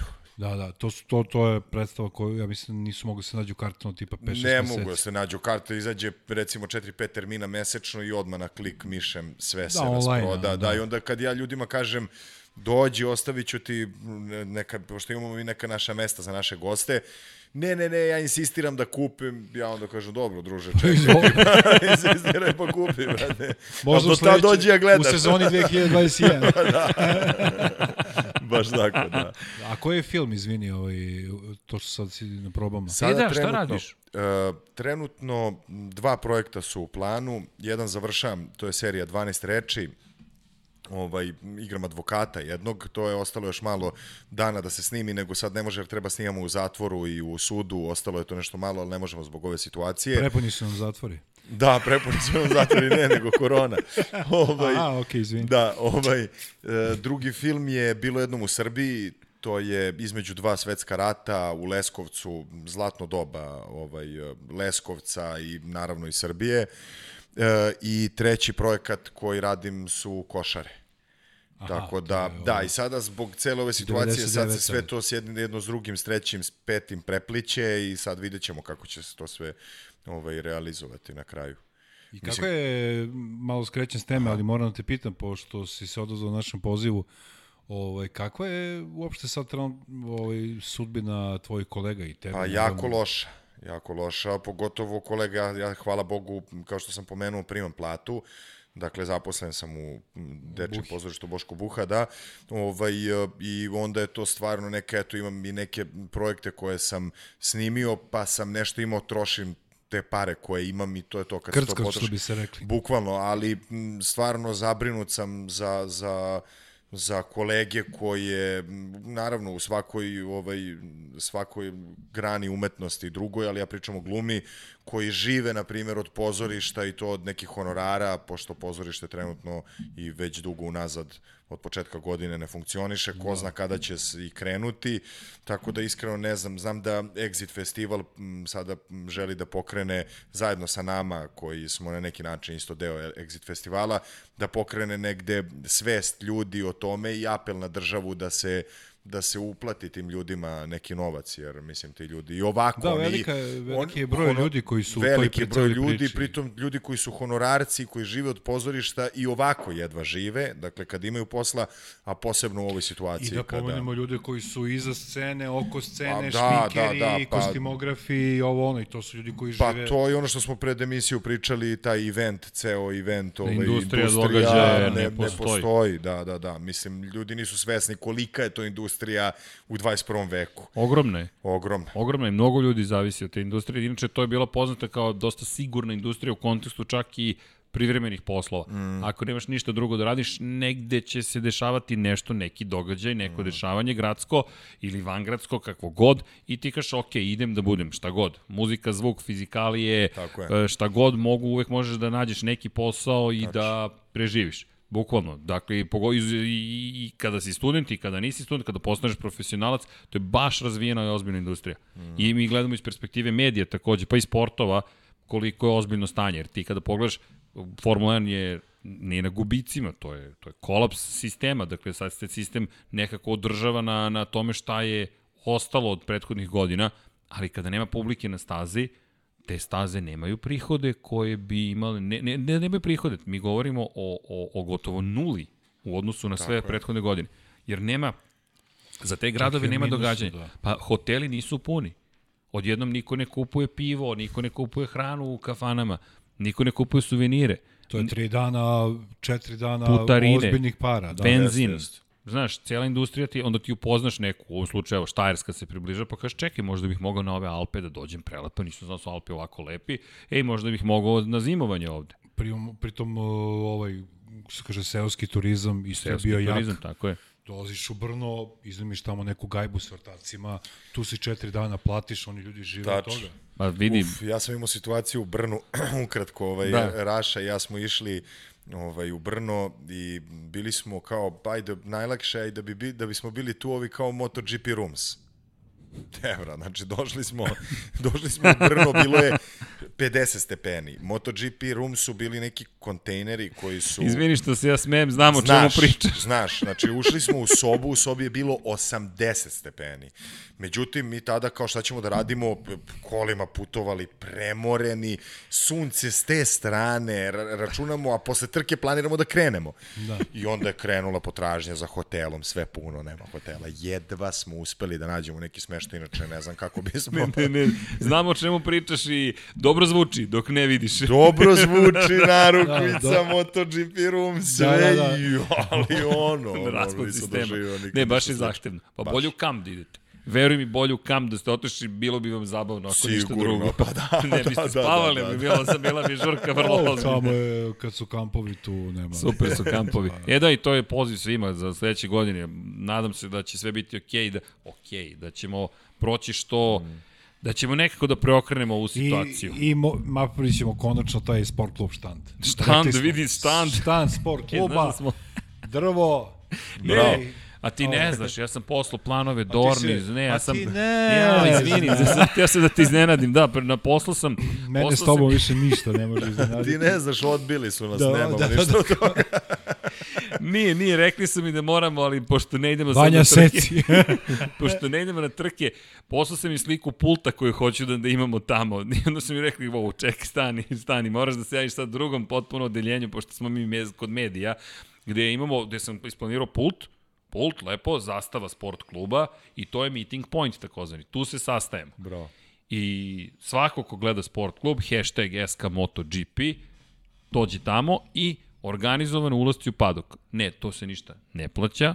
Dakle, gledam te i kažem ti, naš gost, da znaš, Da, da, da, ako da, da, budeš divno. bio na trkama gde smo, i to generalno se trudimo svakoga da uvedemo, zašto? Pa prosto verujemo u to.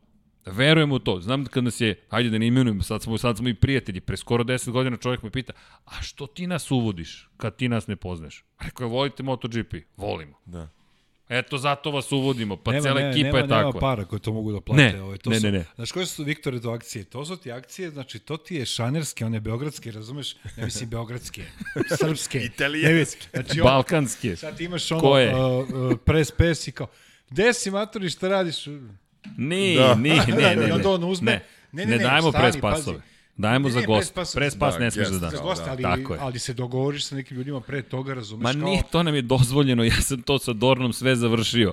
Dakle, bukvalno sam im tražio, ljudi, A što onda Šta ja ovako, a podao? navika, kao, Ne, a to ne. je na... da sam ja s nekim ljudima, de si, pa ono, ne, ne, ne, ne, ne, ne, ne, ne, ne, ne, ne, Dru- druga stvar je sledeća. Um, S kada, kim sam ja bio u Brnu? Ja Nije, kad se organizuješ, radim, u čemu je poenta? Poenta je da uh, uh, smeš da, da daješ i uh, to su ti za goste, zaista. Nego i postoje dve stvari. Prvo, kako određuješ ko ulazi? Mm. Znaš, šta sad određuješ, sviđaš mi se, ne sviđaš mi se, Da, to nije da, da, okej. da, nije pošteno, da. Tako je. I onda se trudiš da se dogovoriš s ljudima. Ako dođeš u situaciju da se s nekim nisi dogovorio, ti daješ nekome propusnice, pa zašto mene nećete dovedeti? Onda kažeš, čekaj, ima neki spisak, nešto smo pravili, niste se javili na, na vreme ili niste znali, ajde ostavite nam telefon, pa ćemo se organizovati, pa ćemo vam dati. Još jedna stvar, imali smo mi nepretnu situaciju sa obezbeđenjem, završeno u našu korist, gde je čovek zgrabio propusnice i pokušao da ih, da ih konfiskuje, jer on je rekao da mi nemamo pravo to da radimo. Pa, bukvalno sam ga ja odvukao ovako u dornine prostorije i sećam se toga što to nije prijatan incident. Nisam mu dao da ide. Po, i, I rekao, ne, ne, ti sad ideš sa mnom, ne idem ja s tobom. Tako je, tako Gde je. idemo? U Dornu. Zašto? Ajmo da se dogovorimo. I onda Dorna koja mu objašnjava, to su njegove propusnice, sve u to su gosti sport kluba. On čovjek je u šoku. I onda smo gledali da drugačije se organizujemo, hajmo da se nađemo tu i tu, evo vam propusnice, vratite ih ili neko ide sa vama pa ćemo se dogovoriti. I šta je onda ideja bila sa štandom? Zamisli da dođeš na štand i neko ti kaže, ok, prijavljujete se, imamo slobodne termine tad, tad, tad i tad. I organizovano uvodiš ljude da vide svoje Da, da, junake. da, da, da. Ne zato, nema elitizma, ne to, aha, ti si izabran. Ti može, ti ne može. Tako da, je. da, da, da, da. Jedino što ima tu problem, koji možda i nije problem, ljudi kad uđu, teško se vraćaju, brate, mili. E, to je- ti kad to je- prođeš, to je teško, pa da. vidiš, Da, da, ne ne znam, da Markeza, gulovi. pa Rosija, pa Vinjalsa, vidiš, Da, da, to je a udaljenost kao između meni i tebe. Da, da. Ma kaki 36 stepeni, znaš kako je u Brnu. Ma nikom ništa ne smeta, oni prođu i onda gledaš na sat. A to je Čekaj, divno. rekli smo 10 minuta.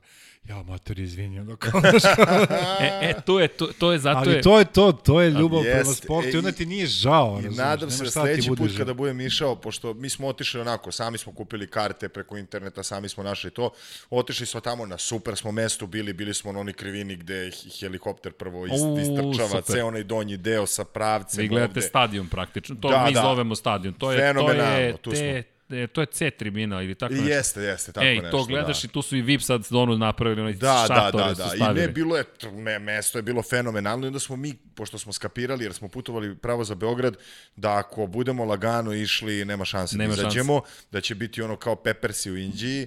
Ovaj, onda smo brzo... Za one koji ne znaju- Kako, da, za one koji ne znaju, bolje ne znaju. Bolje. Ovaj, to, je, to je moment kada je karijera Peppersa ono, otišla u suno, vrate, ali bukvalno od Indije.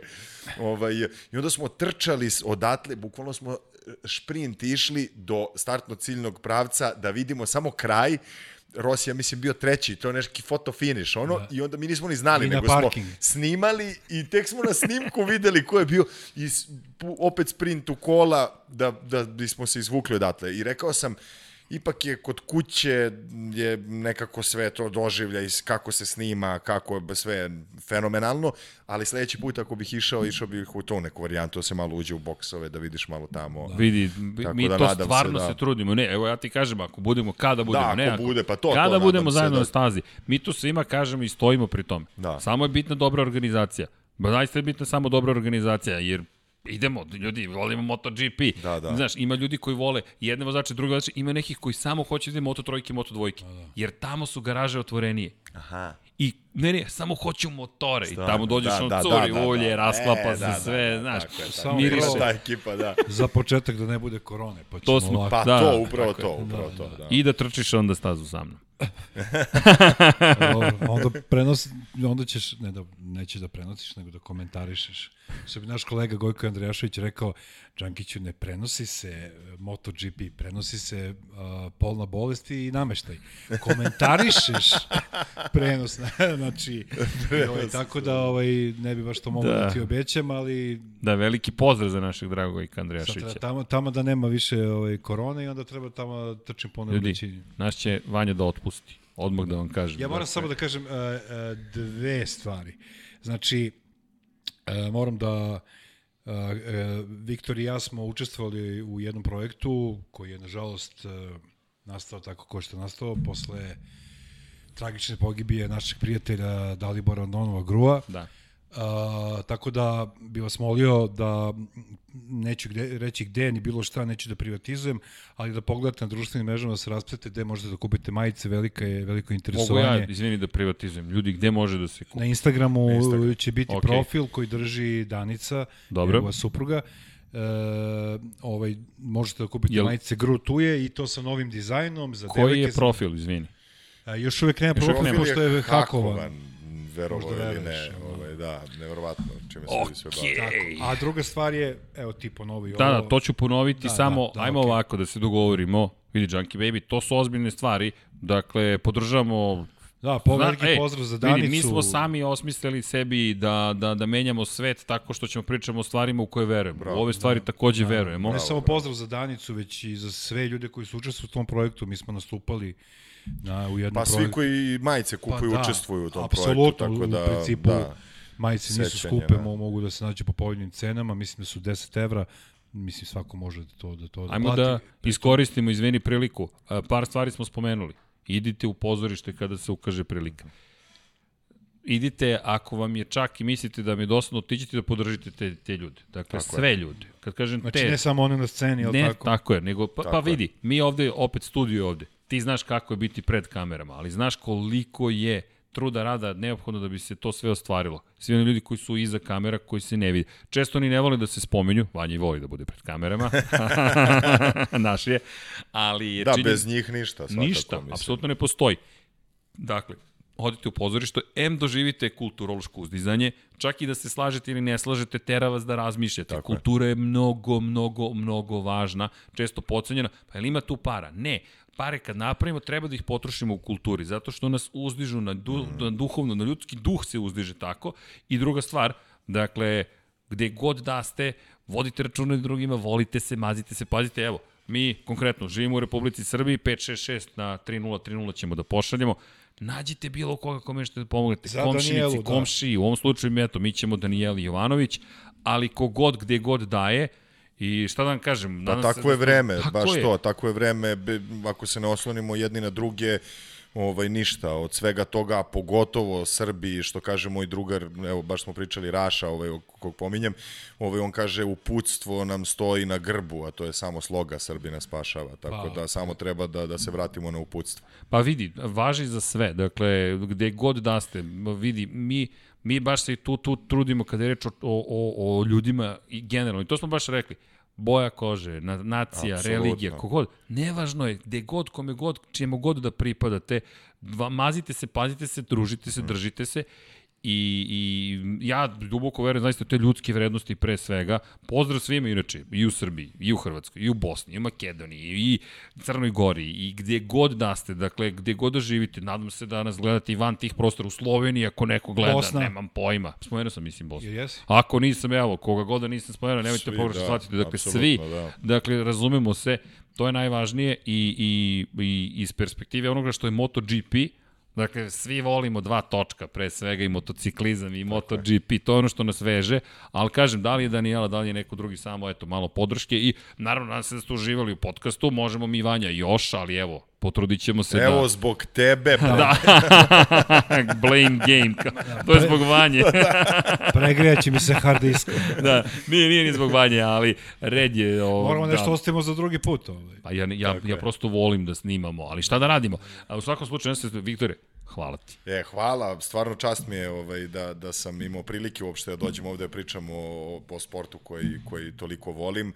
Ovaj, eh, hvala vama što popularizujete taj sport i što ste stvarno podigli to na, na, na poseban nivo, tako da nadam se da će Rossi da osvoji još neku titulu i da, ovaj, Ovo su bile reči e, Viktor Surovi Savić. Viktor nenavijač Savić. da, da, da. Da. Vidi, šta da ti kažem, samo neka bude zabavno, a ostale sve pozivam. Budite uz nas, Infinity Lighthouse i Junkie Baby, hoćemo ono naše. Što, Ćao svima ili... Ćao svima, da. Hoćemo, vidi, mi tako volimo da se pozdravimo, tako da je to negde za kraj. šta treba kažem? Ćao svima. Aha, čao, e, čekaj samo vam kažem, nemoj se ljutite na nas ono kad vas psujemo preko ekrana. Mislim, to je sve deo Mi to ne sporta. čujemo, ne? Mi, vidi, mi se nikad ne ljutimo, osim kada je pisanim putem, pa baš krenu neke lične uvrede. Da, Sve da, ostalo, naravno, naravno. a nema problema. Ne Da, znaš da. da sam dobio komentar, Ja psujem sam sebe, ne? što, što bi se ljutio na nekog drugog. i znaš komentar na Twitteru? Da Bog da vas voleo neko ko što Erceg voli Markeza. Da, možemo da kažemo da Bog da vas volao neko kao što i, uh, Viktor voli. Rosija. Da. Da, ali ja ne navijam ni za koga, tako da je Sad to... ćete početi da se javljaju devojke. se. Ovaj, ja navijam za Rossi, ja navijam za Rossi. Čekaj, ajde, jel imaš devojku? Imam. A, devojke, žao mi je, žao mi je, ali kako da vam kažem, zauzeti gospodin Savić, da, da, nema navijanja, ovaj, sve volimo, makar ja, gospodin Đankiću, Pa, vidjet ćemo. Ovaj. Ja navijam, Ostanite neutralni. Ja, što se mene Ostanite tiče... neutralni. vidi, znaš koja je najduža odjava ovde bila? Sat i 15 sam odjavljivao Kosmos 76, krenuo sam da odjavljam, kao pa evo neće izaći iz kapsule i završilo se sat i 15 minuta kasnije. A, ja bih da samo ne bih želeo da se ovaj, da sam, da sam u tvojoj glavi. Zaista.